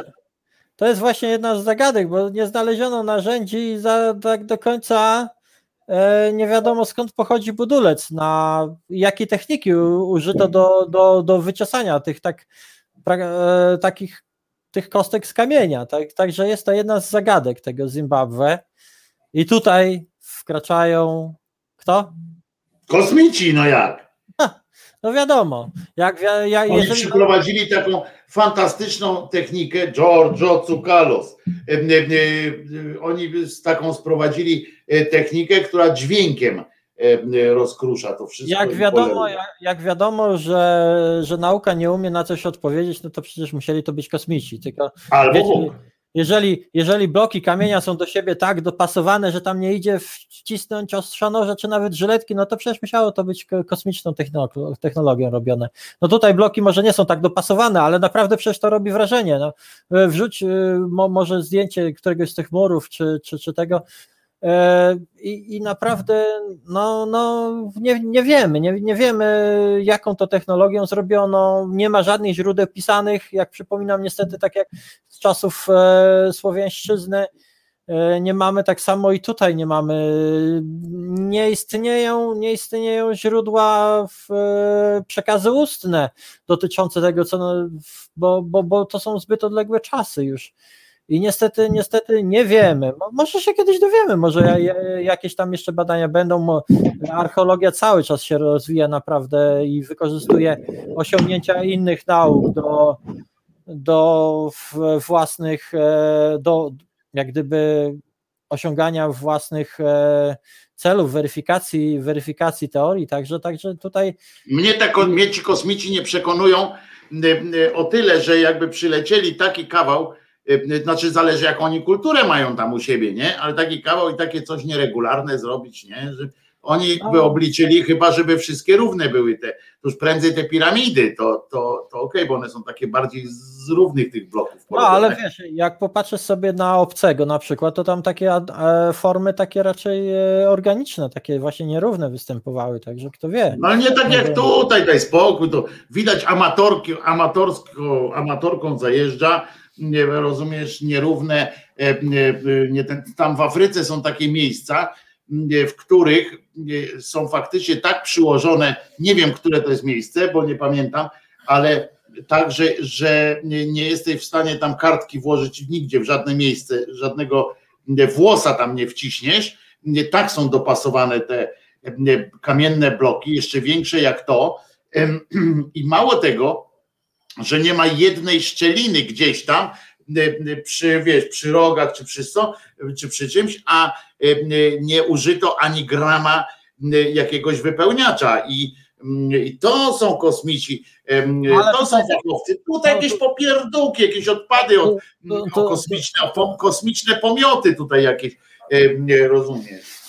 To, to może nie byli to przedstawiciele imperium, ale rebelianci, oni mogli mieć. No, bra- o, taką, jacyś tacy partyzantka kosmiczna jakaś. No, jacyś E, e, e, schod, schod pewnie uciekli i No tutaj więc o to chodzi, no. No, no, Daj spokój, przylecieć, przylecieć ileś tam milionów lat świetlnych i taką kurczę kaszanę odwalić, no daj spokój. To nieładnie. Chociaż wiesz, u siebie pewnie zrobili ładniej. Tutaj nam przyjechali, może to może też chodzi o to, że co się będą tam znowu, wiesz, napinać, nie? Wzięli po tabletce i e, zluzowali trochę i powiedzieli, dobra, tam stawiaj te kropki. Połączyli kropki, wystarczy, nie? no. no ale już wracając do, do, do tego Zimbabwe, to właśnie panie, pani e, Keaton Thompson potwierdziła to, co uważał poprzedni badacz Randall McIver, że szczyt świetności wielkiego, Zimbabwe przypadał na stulecia poprzedzające pojawienie się w tym rejonie Afryki Portugalczyków, czyli było to przed 1497 rokiem, długo, długo przed, e, ale na pewno nie starożytność. I zostały one zbudowane przez ludy tubylcze. Ona przedstawiła te wnioski właśnie na tym spotkaniu e, BAAS w 1929 roku. No i, i znowu się historia się powtórzyła, bo e, reprezentanci białych osobników oczywiście byli wściekli, e, byli tak wściekli, że, że praktycznie do połowy lat 50. XX wieku e, nie pozwolili tam nikomu znowu kopać w Wielkim Zimbabwe, ale, ale podczas tego spotkania właśnie BASS inni archeolodzy uznali badania e, zarówno MacIvera i Keaton Thompson, a już w latach właśnie 50., gdy, gdy badania radiowęglowe, czyli radioaktywnego izotopu węgla C14 były dostępne, one potwierdziły te tezy, może nie tak dokładnie, ale, ale ogólne tezy, że, że Wielkie Zimbabwe powstało i To do mnie. Że Wielkie Zimbabwe powstało i rozwijało się w okresie śre- średniowiecza i nie ma nic wspólnego z żadną cywilizacją śródziemnomorską, a jest e, tworem e, ludów tubylczych. Sama badaczka, ta Keaton Thompson, była obiektem zniewag i ataków fanatyków, e, których listy odkładała do specjalnego folderu z napisem wariaci. A jej, a jej praca została doceniona. Po II wojnie światowej stała się ona jak gdyby fundamentem prac e, dla badań e, nad historią Czarnej Afryki. Ona sama, ona sama już nigdy nie prowadziła prac badawczych w Afryce. E, Ja, ja myślę, że, że będziemy zresztą wracać do Afryki, bo to jest bardzo, bardzo ciekawe i ja sobie zamówiłam książeczkę, też żeby Wam tutaj móc to i owo opowiedzieć o innych miejscach w Afryce. Wracając do samego, do samego tego wielkiego Zimbabwe, zatem co, co to jest? Co to, co, co, co to mogło być? Ogromny kamienny kompleks e, ruin, prawdopodobnie zbudowany między XI a XV e, stuleciem naszej ery, rozmiarami nie mający sobie równych na południe od Etiopii. Ca, cały ten e, kompleks składa się jak gdyby z trzech części, czyli świątyni, e, akropolu i kompleksu w dolinie. Obiektem głównym była tak zwana świątynia. I ta świątynia, gdzie właśnie znaleziono te e, kamienne gongi, to poproszę, poproszę operatora o. Ja, Wojtku, nie słychać cię. Dlaczego tak zwana świątynia? Dlaczego tak zwana świątynia? Bo no, ta, ta, takie na, nadano prawdopodobnie z powodu wieży, która tam się znajduje, ta, ta, takiej po prostu nadano nazwę. Natomiast- Rozumiem, czyli po prostu nie, nie, nie wiedzą, tak? Czyli tak jak u nas na przykład ten y, y, Ostrów Nie, nie, no tak? oczywiście, Że zastanawiamy, że, że nie wiadomo do czego Nie, było nie, nie, służyć, poczekaj, poczekaj. Tam się przy, przypuszcza się, pamiętaj, że prawdopodobnie e, tam znajdowała się siedziba władcy i też e, centrum rytualne. Tak się przypuszcza. Zatem poproszę o, to jest świątynia, ewentualnie zdjęcie numer 5, takie bardziej nasłonecznione. To jest w środku. Tak, to, to, to, jest, to, to jest ta świątynia zwierząt. Ja po- podkreślam, to jest nazwa taka umowna. E, To, to jest okrąg, e, na, na, ma kształt okręgu o średnicy około 80 metrów. E, Mur okalający to jest wysoki na około 10 metrów, a miejscami jest szeroki na 5 metrów. Wewnątrz tego, tego, tego okręgu znajduje się właśnie sięgająca 12 metrów wieża, plus kilka innych e, kamiennych obiektów, którego przeznaczenia tak naprawdę nie znamy. No, przypuszcza się, że tam e, właśnie mogły być e, mogła być to siedziba władcy, być może centrum rytualne. W, Mi to wygląda na to ten, są, na, na, to są, na to są, piec. to są spe, spekulacje. No, w, Mi to wygląda na piec. tak. Całkiem możliwe. Piekli No chleba. poważnie, mi to wygląda na piec. Ta, No ta, to jest ta, taki e, tak, rodzaj że- pieca z tym kominem takim, wiesz, no. czy nie? Uf. No to musiał, musiałby być duży piec. No tak, no do wypalania jakiś tam, mi chodzi o to, że tam wypalać można było jakieś te, Du, E, dużo nie, chleba no. dla miejscowej ludności. tam chleba. Jak myślałem bardziej o jakichś naczyniach, jakichś takich rzeczach. No. No, może te figurki ptaków, ale te figurki ptaków są kamienne. Popro, poprosimy w takim razie, to są figurki O ptaków. właśnie, bo ja cię chciałem zapytać o to, nie chciałem wcześniej, czekałem na to, kiedy o tym powiemy, bo co to jest? To są, to są figurki przypominające ptaka. Są one e, z takiego minerału steatyt wykona, wy, wykonanego.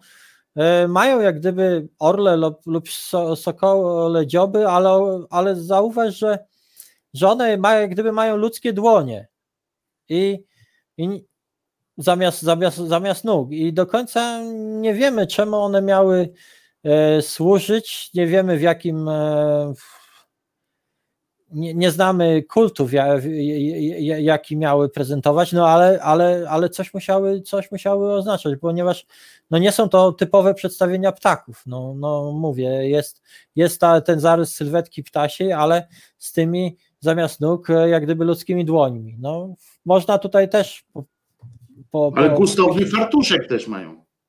Słucham? Gustowny fartuszek ma też jedna. No.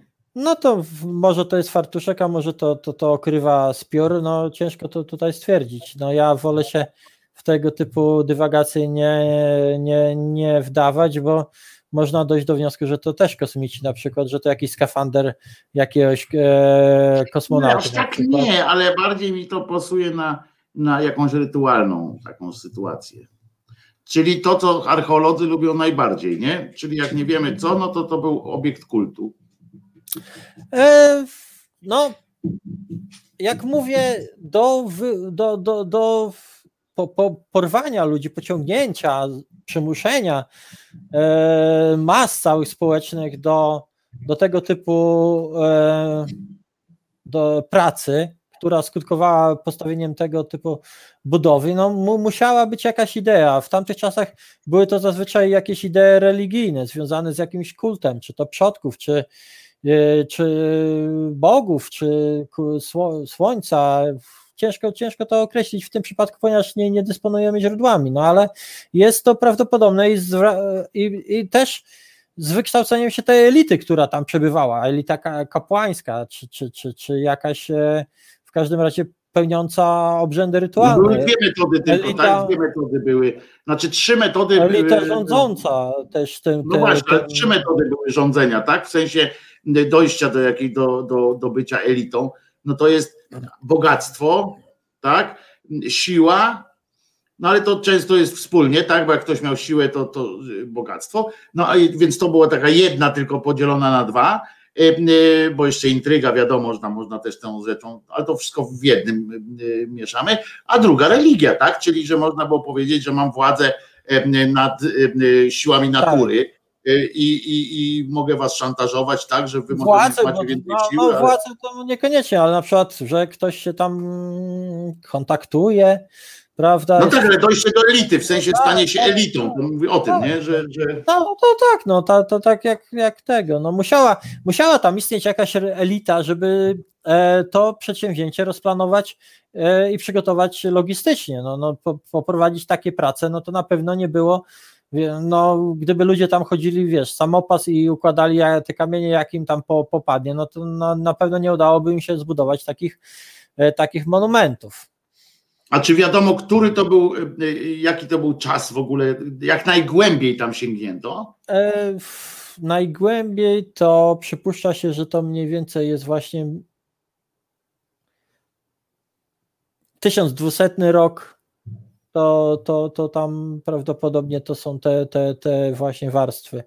E, Mhm. Także to wielkie Zimbabwe prawdopodobnie między 1200 a 1450 rokiem funkcjonowało. Ten 1450 to już taki upadek.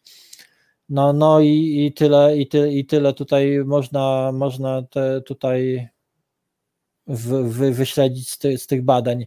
No niestety nie mamy jeszcze, nie mamy takich e, metod, możliwości datowania powstawania budowli, no bo, no bo metoda C14 potrzebuje materiału organicznego. Chociaż są już naprawdę ciekawe, ciekawe metody datowania pewnych rzeczy, a na przykład pomocne ku temu są gniazda os. To o, o tym dowiedziałam się niedawno, właśnie poprzez e, badania gniazd os e, w Australii zaczęto datować e, malowidła i stanowiska e, naskalne w Australii, rdzennych mieszkańców. I ostatnio taki badacz polski przeniósł też to do Afryki, bo w Afryce, tylko że nie w e, nie w Zimbabwe, a chyba w Rwandzie albo gdzie ostatnio tam prezydent na COVID zmarł i Zanzibar się znajduje? E, RPA. Nie, nie, nie w RPA. E, No w każdym Nie, tam- razie w każdym razie w jednym z Nie, tych krajów nie, nie tylko Lesoto się tam znajduje. Dobra. w jednym z tych krajów Nie- jeden z, polski badacz działa i on odkrył, odkrył kolejne stanowiska. Tam już wcześniej taki obszar UNESCO pod ochroną był e, z malowidłami rdzennych mieszkańców, które tam przez setki lat e, miały miejsce w jaskiniach, a on odkrył, że tych malowideł znajduje się dużo więcej. Dostał nawet tam jakąś nagrodę i grant e, za to odkrycie i właśnie on też wspominał o możliwości datowania tych malowideł dzięki właśnie gniazdom os, które jak gdyby przeniesiono tą metodę z Australii. Także nauka cały czas, cały czas się rozwija i daje nowe możliwości. E, Liczmy na to, że, że będzie też e, możliwe odkrycie więcej na temat, e, na temat samego Wielkiego Zimbabwe. I wspomnieliśmy właśnie o tej świątyni, e, o, o budowli, ale jest jeszcze e, tak zwany e, drugi obiekt, czyli Akropol. Akropol to jest taka pobliska wiedza znajdująca się na wzgórzach, Wiem, wiem, wiem, wiem, wiem już ją. Już, e, o, to jest Akropol. I co ciekawe, te budowle są tak tam, e, tak tam e, zrobione, że one w zasadzie e, jak gdyby wtapiają się w otaczające je skały. E, Czyli to wygląda jak, jak po prostu ten system skał. E, tak, no z daleka to, to, to wygląda właśnie jak taka jedna skała, to jest właśnie taka, można by rzec, e, forteca, która, która jak gdyby dominuje nad tą całą doliną e, i wykorzystuje jak gdyby te naturalne własności skał, które tam były, jeszcze uzupełnione murami. No, można przypuszczać, że rzeczywiście mogło to być takie przeznaczenie obronno-wojskowe tego, te, te, tego miejsca, ale czy tak na pewno było, to też się do końca nie dowiemy jak na razie. Może, może, może innym, może innym razem. A czy za ileś tam lat się dowiemy? Oby. No i ko, kolejnym te- elementem Wielkiego Zimbabwe to jest właśnie e, tak zwany kompleks w dolinie, czyli to jest tam e, jak e, wrzucisz, o, to, to jest jeszcze widok na świątynię, ale wrzuć zdjęcie takie fajne tutaj było.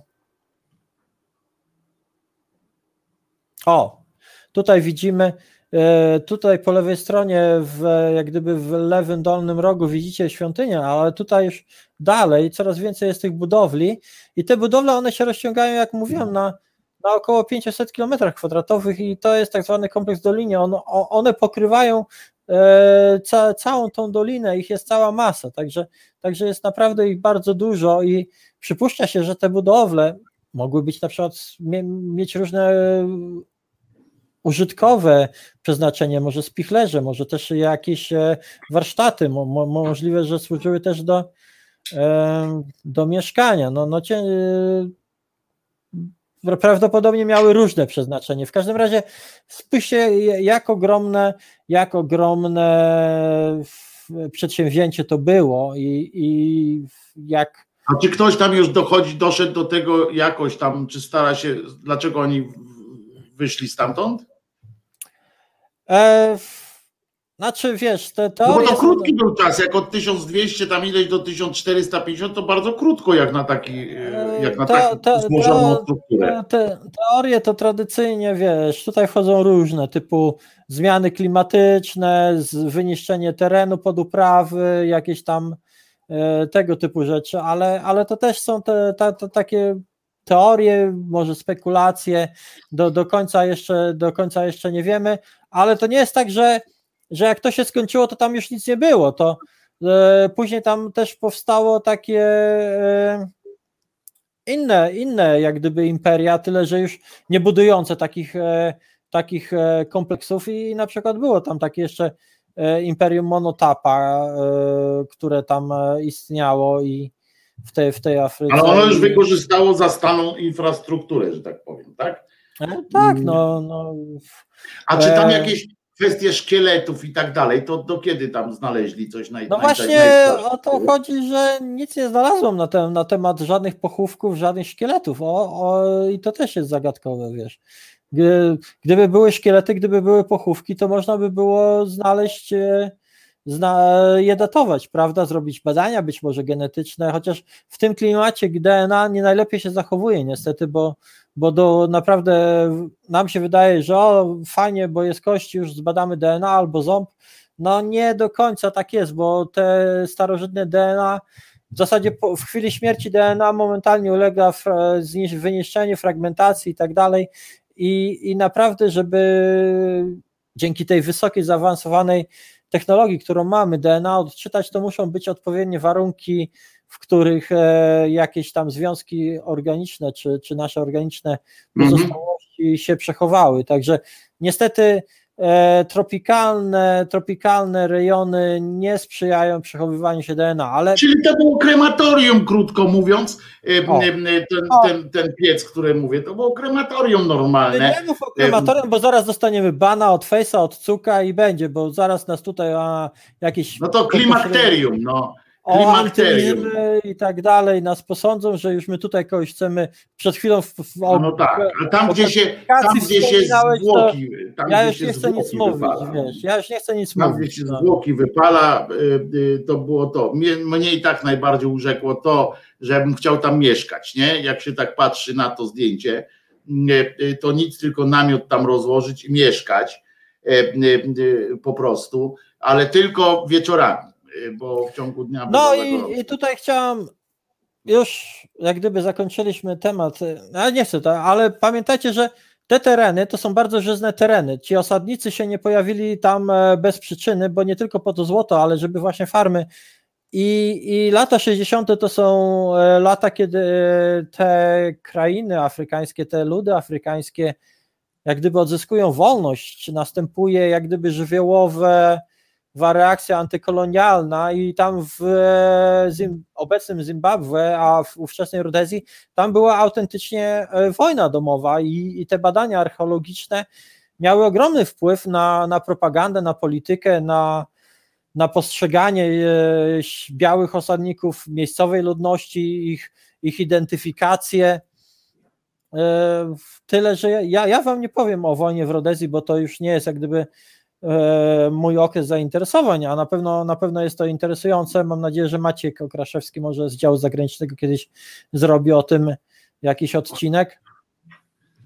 Ale, ale właśnie tam e, no, ci mieszkańcy w pewnym momencie odzyskali, odzyskali jak gdyby wolność, ale no, ta wolność została ja nie chcę powiedzieć zmarnowana, ale, ale obecnie Zimbabwe to jest taki kraj, ogromnych możliwości, bo są tam bardzo żyzne ziemie. To był kraj kiedyś, który podobno mógł e, całą Afrykę Spichlerzem Afryki. Tak, tak, tak spichlerzem Afryki. A niestety, jak wie, jeżeli wiecie albo nie wiecie, to sytuacja ekonomiczna była tam bardzo trudna jeszcze do niedawna i chyba nadal jest. Straszna inflacja, e, tam do władzy w pewnym momencie doszedł taki dyktator, e, prezydent Robert Mugabe i on, on prowadził, jego polityka też nie jest taka jednoznaczna, mówię, to, to, to, to musi się wypowiadać. Ale gospodarczo była dosyć jednoznaczna. Na, e, e, bo- znaczy na początku nie do końca, bo on, bo on do pewnego momentu zostawił tych białych e, farmerów, którzy mieli ten know-how, tą uprawę ziemi, ziemi e, na farmach, tylko w pewnym momencie później tam doszły doszło do ich wysiedlania, to co teraz się dzieje też w Republice Południowej Afryki, że, że dochodzą nas słuchy, ja zresztą pracowałem z chłopakiem tutaj e, w Anglii, który przyjechał do Anglii, ponieważ mamy włoskie korzenie, czyli do, do Unii Europejskiej, bo wtedy Wielka Brytania jeszcze była w Unii Europejskiej, on powiadał, bo on właśnie z farmy z z farmy przyjechał, że są ogromne problemy ze znalezieniem tam pracy, jeżeli jest się białym i, i właśnie są przejmowane białe fa, e, farmy ty, od tych białych osadników siłowo często zresztą. I, i to samo w pewnym momencie Robert Mugabe zrobił e, w Zimbabwe i, i niestety ta gospodarka kompletnie klapła, to, to rolnictwo klapło, e, inflacja osiągnęła ogromne Tak, to tam, tam pochodzą te banknoty, które do dzisiaj Tak. krążą po, e, po internetach, na przykład tam 100 miliardów, e, bo oni tam zresztą 100 miliardów dolarów, bo, to, bo to była marka ich tam zimbabwskie dolary i mamy takie, dzięki temu mamy takie banknoty właśnie tam 100 miliardów dolarów. Mało tego, oni to, my się tak śmiejemy teraz, ale my- myśmy przeżywali, e, pamiętacie, e, starsi z was pamiętają szalejącą inflację lat 90. początku, to No, ja, było- mogę ci, ja, ja mogę ci powiedzieć, mój drogi, że mój pierwszy komputer kupiła mi moja matka 16, zgadnij za ile? Za, pewnie 40, parę milionów ładnych. No. za 46 milionów złotych. No właśnie. E, I pamiętamy, że, że to z dnia na dzień ludzie wtedy kupowali y, dolary i złoto, bo faktycznie z dnia na dzień człowiek dostawał jakiś pieniądz e, i na, na zajutrz miał o ileś procent mniej. I tak było. To sobie wyobraźcie teraz, zmultiplikujcie sobie, znaczy zwielokrotnijcie sobie taką inflację, ponieważ w Zimbabwe chyba w, w, w, był taki moment, kiedy ona z- y, dzienny przyrost inflacyjny był ponad 1000%. To, e, to sobie tak. wyobraźcie. Tam To naprawdę. wyobraźcie. Tam po prostu przestała istnieć gospodarka. Wtedy przestaje istnieć gospodarka e, e, oparta na pieniądzu, przechodzimy w gospodarkę wymienną, tak? W, e, Tak, w, no. w wymienny, nie? Bo, No wiesz, już nie no, było sensu. Yy, Bo człowiek przechodząc ze sklepu, jakbyś na przykład sprzedał coś na targu i przechodzisz do drugiego stanowiska, że za te pieniądze, które dostałeś za, za, em, za to ukulele, e, chcesz kupić inne ukulele po prostu tej samej klasy, tylko na przykład tam z innymi strunami i musisz za nie zapłacić już nagle kilkadziesiąt procent więcej. To godzinach się liczyło. To było, tak, ja no, a o tym czytałem, to było, to było coś przerażającego a tam. poza tym, no wiesz, no, z pociągiem pieniędzy po chleb iść, no to też przesada. No i, i właśnie. Nie, no to mówię, było w ogóle przerażające. Tam padła gospodarka. domu, tam, tak, tak, to, to, to tam. Padła całkowicie gospodarka na pewien czas i tak dalej. Martyna, musimy kończyć. Jest e, e, 13.13. E, e, To tak jak ten taksówka w, w zmiennikach. W No zeszłym widzisz, tygodniu a ja, a ja tutaj, a ja, a ja to całe Zimbabwe, to nie tylko po to, żeby poka- po, pogadać o początkach archeologii, ale o takim innym. E, Miało to być wprowadzenie do kolejnych rzeczy i mam nadzieję, że o tym porozmawiamy w przyszłym A odcinku. co to za rzecz? Co to za rzecz? Znaczy, nie rzecz, o pewnym zjawisku. O pewnym No właśnie, no zjawisku. co to za zjawisko? A ty, a ty jako medioznawca powinieneś się na tym znać i myślę, że porozmawiamy, bo to będzie pewnie budziło sporo kontrowersji i niech to będzie niespodzianka na przyszły odcinek. Dobrze, dobrze, dobrze, no to już mnie to cieszy. Kontrowersje e, e, to jest to, co kocham. E, Dziękuję Ci, Martyna. M, Ja też Początki, wszystkim. początki archeologii. Mam nadzieję, że Was to zainteresowało, że pokazało, że archeologia to nie jest tylko Europa, to nie jest tylko Egipt, że to nie, nie są wielkie takie odkrycia tutaj pod nosem w zasadzie. Mumia Tutenchamona, że to nie tylko mumia Tak, tak, że, że są miejsca, o których często nie wiemy, bo, bo ja na przykład nie słyszałam o, za bardzo o wielkim Zimbabwe, a w tych wszystkich programach tłucze się non-stop, to głównie, wiesz, faraon, kosmici, faraon, kosmici, czasem tam pokażą zikurat e, z Sumeru i, i znowu kosmici i znowu No jeszcze Aztekowie. Inkowie i tak No, dalej, nie? To ewentualnie, to. tak. Ale to to też- Te, te też tylko Aztekowie, Inkowie i Majowie, te trzy kultury, podczas gdy tam było naprawdę masa, tam jest róż- różnorodność tych kultur e, i cywilizacji, a, a, a też mówi się tylko w zasadzie o tych trzech. E, no, w- a, a świat jest No naprawdę to tak jak współczesna historia w ujęciu, współczesna historia w, uję, w ujęciu na przykład kanałów e, sieci Discovery, no to jest Hitler, prawda? Hitler, no bo to tak. Są, I- bo to są pierwsze zdjęcia, które są. Bo jak oglądasz, to mówię, kosmici, piramida, Hitler i, i na przemian. No i w zasadzie to, no. A naprawdę jest dużo, dużo więcej e, interesujących rzeczy i mam nadzieję, że dzięki tej naszej skromnej audycji trochę się o tym dowiecie, że, że to. Jak- Przynajmniej będziecie wiedzieli, gdzie szukać. Tak, Może o to- o to chodzi. dzisiejszych. To na koniec będzie dobrze, jakbyś przypomniała dzisiejsze książki, e, z których, e, z których też czerpałaś. Po pierwsze, krótka historia archeologii, tak? Tak, E, tak. To jest coś, co, co akurat nie pokażemy, bo Martyna ma e, w, e-booku, ale tytuł za to jest bardzo, e, tytuł za to jest bardzo Tak. e, łatwy do zapamiętania. Wydawnictwo, Natomiast jeszcze dwie pokazałaś książki dzisiaj. wydawnictwo RM, krótka historia archeologii. Tutaj to ja sobie zamówiłam, wczoraj przyszło na temat właśnie wczesnej sztuki i architektury Afryki. Mam nadzieję, że to mi Mhm. pomoże trochę Wam przybliżyć, jak gdyby cywilizację Afryki, bo te cywilizacje się wcale nie kończą ani nie zaczynają na Zimbabwe. Są właśnie. I znowu ględźba się klei. Nie, Właśnie- nie rozpędzaj się. Właśnie dowiedziałam, rozpędzaj do, się. dowiedziałam się, że Niemcy mają zw- zamiar, zamiar zwrócić e, Nigerii chyba. Nigerii lub e, jakiemuś e, krajowi e, brąz, brą, brązowe artefakty, które, które zostały wywiezione, tak zwana cywilizacja Beninu i i właśnie one, one mają wrócić e, do kraju, z którego one pochodzą. Także tych cywilizacji jest tam więcej i dla nas, jak mówię, Afryka kojarzy się z chatkami z gówna, jakimiś e, gołymi ludźmi z dzidami e, tańczącymi, a to nie jest tak, że tam, tam Nawet Egipt wyjęliśmy już z Afryki. Tak, E, tak, bo e, Egipt, Egipt nie jest afrykański, Egipt jest nasz. E, Zresztą Prawda? rozmawiamy To tego. jest też ciekawostka taka, że jak coś jest, e, jak już coś jest e, e, wielką kulturą, e, To musi z być- Afryki ją wyjmujemy, prawda? To z Afryki jest- ją wyjmujemy. To, To, samo to, dotyczy to, to, to jest, Algierii, Algieria, te sprawy, nie, nie, gdzie są jakieś, e, nie, nie, gdzie można mówić Tak. o wielkiej kulturze, to to nie może być afrykańskie. I to, e, ale to jest ciekawe o tyle, e, że to jest pokłosie naszej takiej właśnie europocentryczności. europocentryczności, to po pierwsze, ale po drugie, moim zdaniem ważniejsze, to jest ten nasz protekcjonalizm, nasz, nasze podejście do Afryki, uzasadnia, to są te setki lat y, uzasadniania eksploatacji Tak. Afryki, kolonializmu, niewolnictwa. Nie, To trzeba było sobie uzasadniać jakoś, bo pamiętajmy, że człowiek jest osobą racjonalną, znaczy człowiek jest istotą racjonalną i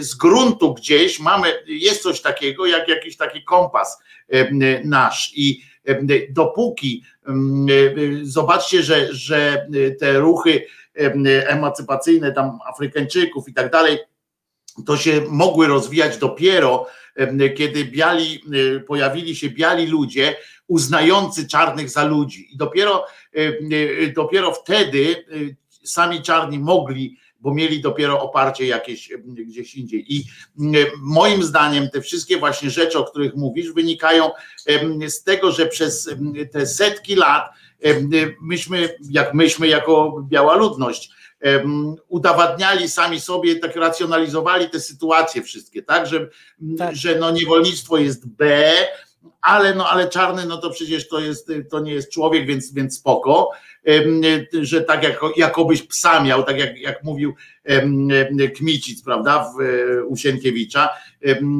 twój Han e, ciebie naszemu królowi jako e, psa traktuje, jako psa ciebie darował. I, i, i to jest zupełnie inaczej, jak my tak, tak myślimy o tych ludziach. E, to stąd e, to wynika. Dlatego Egiptu na przykład już trudno było pominąć, tak? W sensie to była tak mm, udokumentowana, tak rozwinięta cywilizacja i udok- udokumentowana przede wszystkim, tak? Że już jakby nie mogliśmy tego odkręcić. Europa już nie mogła odkręcić tego, że w Egipcie, nie, że, że Egipt nie był wielki, tak? Bo, bo miał i kontakty dzięki temu, że miał te kontakty z Rzymem i tak dalej. Kraje arabskie, nie mogliśmy już nic zrobić, bo już było za późno, tak? Na to, bo oni właśnie też dzięki Rzymowi, dzięki innym e, częściom historii starożytnej umieścili się u nas, tak? I, i już, a ci ta, te biedniejsze wtedy nam się wydawało rejony Afryki, czy mniej zbadane, czy coś takiego, które były, stały się tylko E, że ich największym bogactwem naturalnym w pewnym momencie oprócz złota tu z brzegu e, stał się e, człowiek, czyli niewolnik, siła robocza, czyli niewolnik, to, to po prostu myśmy sobie ustalili, że jest słoń, bo kość słoniowa, tygrys, bo coś tam, no i takie, takie tu na dwóch nogach do roboty, tak? I, i, i, i te, te setki lat musieliśmy cały czas dzieciom w szkołach, i tak dalej, wtłaczać ten, ten wizerunek. No i z tego powodu coraz było bardzo trudno, tak jak mówisz, nawet ta, ci pierwsi prawdziwi archeolodzy, no sama mówiłaś, że jak tylko zaczął dochodzić do czegoś, to go zamknęli, mówią, ty, ty nie będziesz tutaj tłumaczył nam żadnego świata, bo i 25 lat, tak, ćwierć wieku, e, rozumiecie, zamknęli e, badania, zamknęli cokolwiek. Jak tylko pojawiła się i on jeszcze nie zrobił jakiegoś dowodu wielkiego, że to byli. On wskazał e, tylko, z tego co, co mówiłaś, to wskazał tylko możliwość, że tam była cywilizacja czysto afrykańska, tak, a nie, tak. a nie białych. Że istnieje takie, pojawiło się takie, takie okienko w tunelu dla tych Afrykańczyków, to ci już na, mówią od razu, ej, ej, nie, nie wchodzisz w to. Jebło to jebło, nie ma co drążyć, tak? E, my mamy e, to. W związku z czym stąd się bierze to, że my e, w Europie w ogóle nie wiemy o tym, jak naprawdę w Afryce. My wiemy tylko, że pierwsza kobieta, tak? Że, że Ewa była z Afryki, bo, bo tam ciągle wyciągają no, tę jedną ale widziałeś, widziałeś, widziałeś na malowidłach, że Ewa była biała, a Jadam też, no także wiesz. No, no tak, ale wiesz o co mi chodzi, o tą jedną, co no potem wiesz. znaleźli ten, ten i oni cały czas tą jedną, jedną małą, małą taką, bo ona taka dosyć metr 40, e, małą murzynkę e, pokazują e, wszędzie i mówią, że no to prawdopodobnie jest Ewa, nie? W sensie, że pierwsza kobieta, tak jakby no to czysto kreacjonistyczne podejście, nie? że od razu pierwsza, od razu e, pełen kształt rączki, paluszki e, i tak dalej. No ale to tak, tyle wiemy, tak, że z Afryki pochodzi życie, że człowiek pochodzi z Afryki, ale szybko stamtąd spierdalał. Z tego wynikało, nie? Że, że urodził się tam, ale żyć to już tam człowiek nie mógł. No. Normalny człowiek. Nie? Mógł, mógł, mógł założyć cywilizację, eksploatować, a później się wynosił po prostu. No tak, tak, tak, że spierdzielać trzeba z Afryki, że to dla dzikich jest, nie? Że tam mógł, ten. tak byliśmy uczeni tego no niestety przez, przez wiele setek lat. książka, jakbyście byli zainteresowani. Jest też wydanie po polsku, ja wrzucę odnośnik pod filmem w szyderze do książki, mm -hmm. jakby ktoś był zainteresowany zakupem lub wypożyczeniem, wypożyczeniem e, z biblioteki, bo to była książka, która, która naprawdę duże poruszenie i polemikę i kontrowersję e, wywołała, w ogóle ten badacz, także może warto się zapoznać, dla co niektórzy. Pewnie, że warto. No, I mówię, dziękuję Wam bardzo, mam nadzieję, że trosze, że daliśmy bo nasze audycje to nie, nie są audycje akademickie. Ja nie jestem akademikiem, nie jestem naukowcem prowadzącym badania. Ja po prostu jestem osobą, która chciałaby Was e, zaszczepić ten wątek ciekawości, który niestety często nie zaszczepia w nas szkoła, że ja ze swojego doświadczenia niestety wiem, że szkoła bardziej zniechęca i zabija w nas ciekawość świata, a powinno być zupełnie odwrotnie, że ona powinna rozbudzać tą ciekawość świata, chęć poznania e, i to właśnie i to właśnie powinna robić szkoła i przygotowywać też do, dawać nam pewien aparat naukowy tego poznawania świata. No a jak bywa, to bywa różnie, wiemy. No i, i, i temu nasze audycje służą, żebyście już sami później sobie szukali, potrafili też oddzielić bzdury o kosmitach. No, Wojtek twierdzi, że to nie bzdury, ale o kosmitach tnących e, kawałki, e, kawałki skały na równe równe cegiełki i tak dalej. Ja twierdzę o tym, że to nie jest bzdura, dlatego e, w tym sensie tylko, że, że te filmy naprawdę, my możemy się śmiać z tej, z, tej e, serii Alien Ancient i ja oczywiście się śmieję, bo tam zawsze się śmieje tam Giorgio Cukalos, bo on jest naprawdę e, tak zakręcony jak drożdżówka z serem.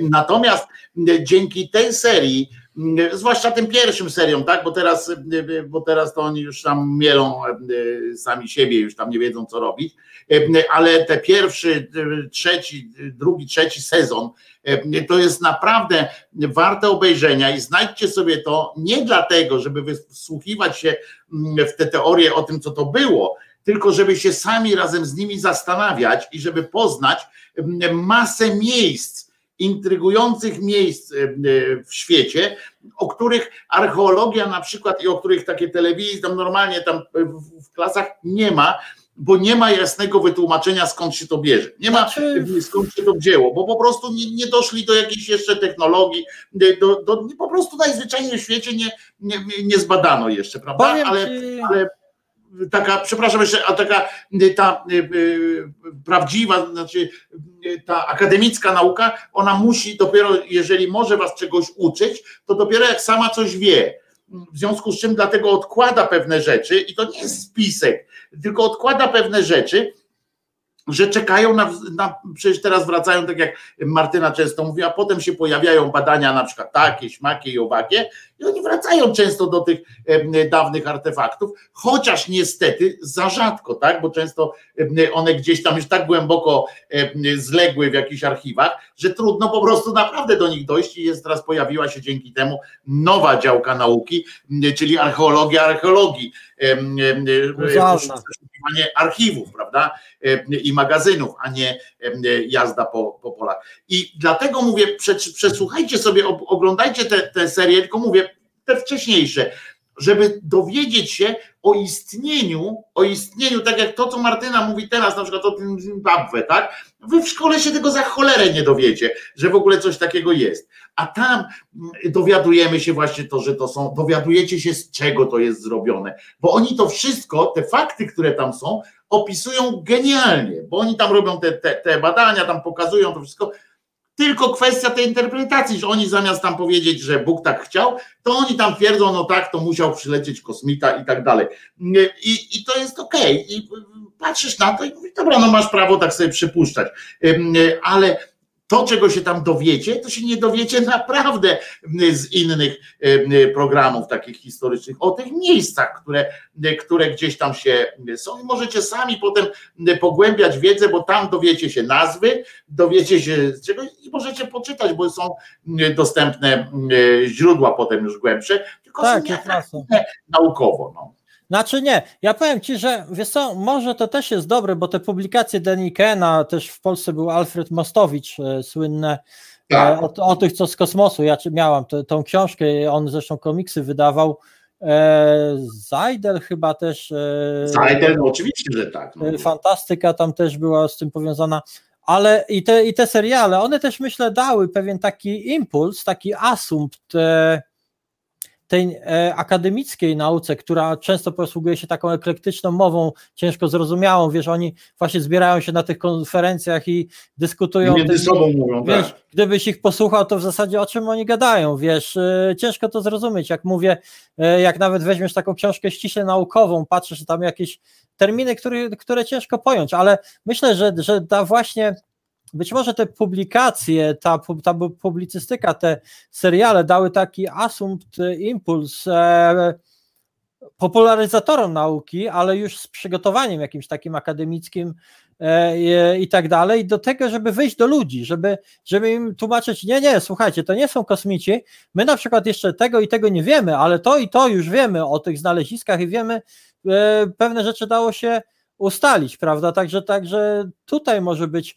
I, To są, to są i rzeczy, wspomnę- ja mówię, i wspomnę No, no, tylko, dawaj. że wrócił, wrócił do internetu taki e, serwis archeowieści.pl, e, o, to fajnie. który prowadził swego czasu dziennikarz Gazety Wyborczej Wojciech Pastuszka, a teraz e, nim się zajmują ludzie z Wydziału chyba archeologii UW, ja do, do, dokładnie nie wiem, ale archeowieści.pl, jak sobie wpiszecie, wrócił do internetu i to jest bardzo, to był genialny sprzed kilkunastu lat serwis, który popularyzował odkrycia archeologiczne, historyczne i on znowu jest dostępny i tam znajdziecie naprawdę dobre informacje sprawdzone, jeżeli interesujecie się odkryciami, to warto zerkać.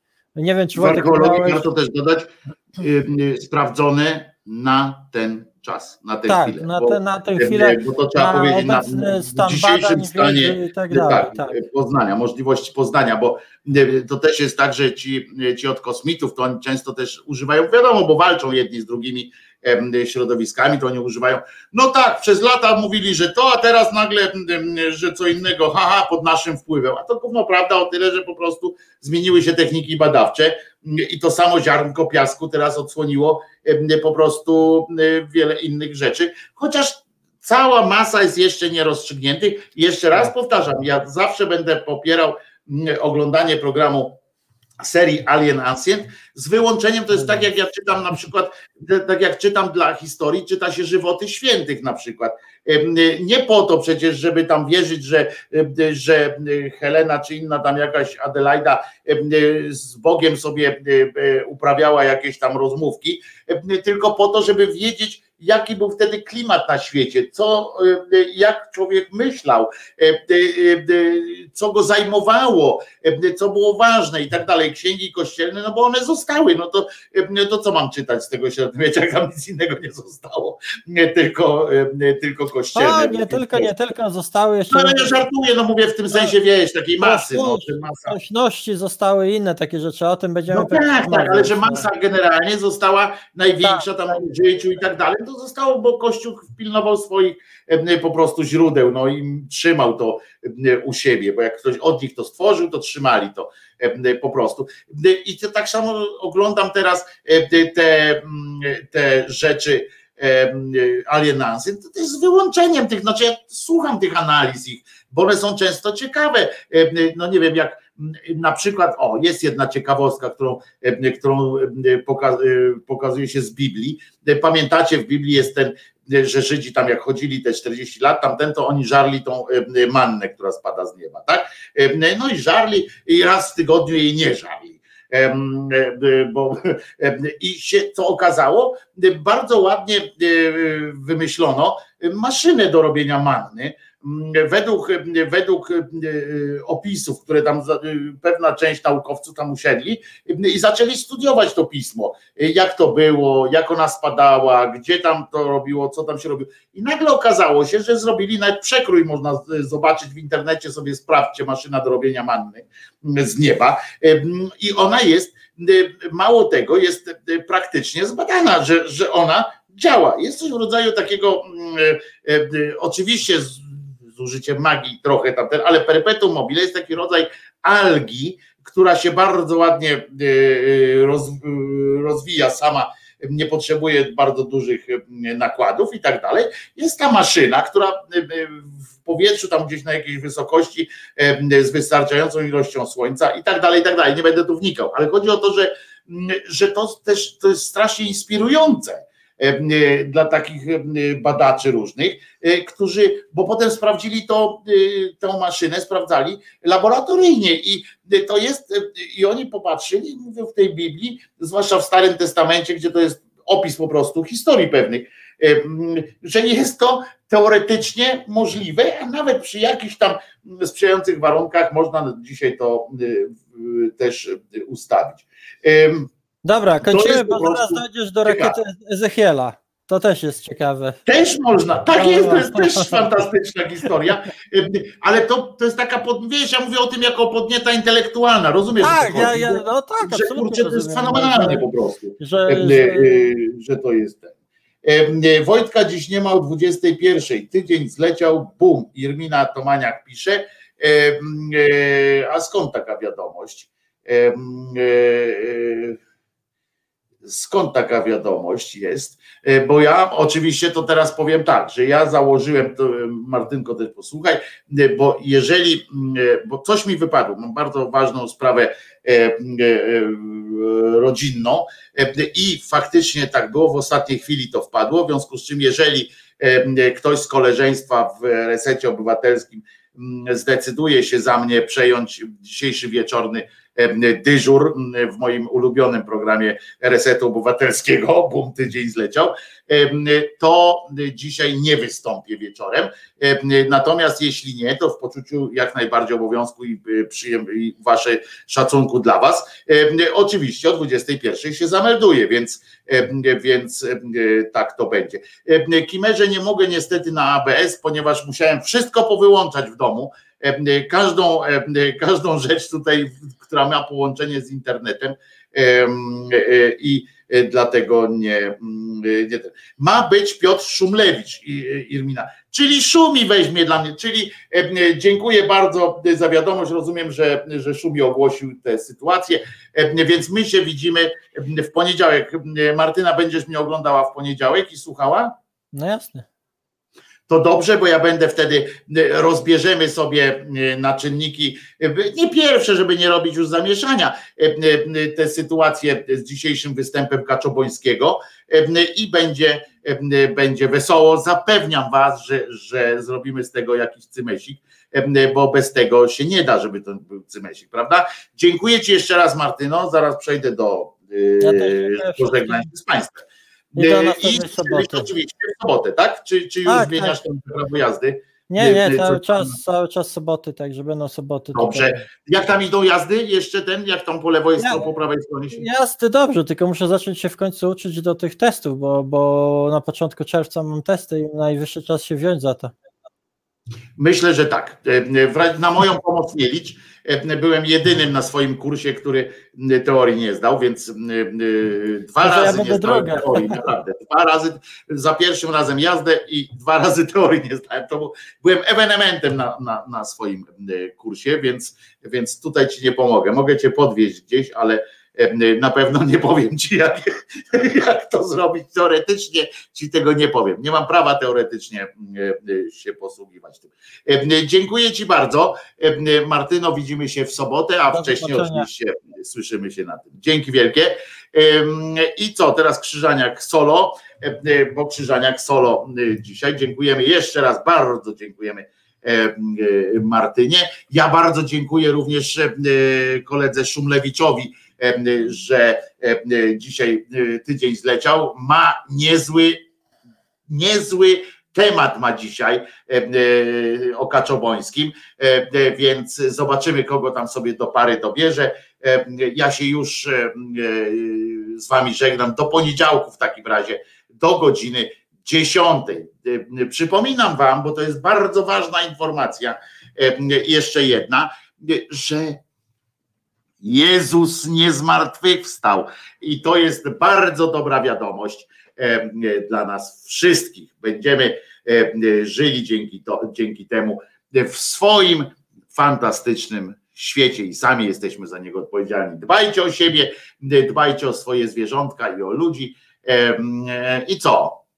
No jak możecie, to uprasza się wsparcia oczywiście i jak możecie, pamiętajcie, Radio Szydera E, będzie nadawało. Za chwileczkę, tylko na chwilę przerwie nadawanie, bo muszę zrestartować e, internet, dobrze? Bo może coś z urządzeniem jest nie tak, ale za chwileczkę po restarcie systemu od razu Radio Szydera będzie nadawało w wersji beta.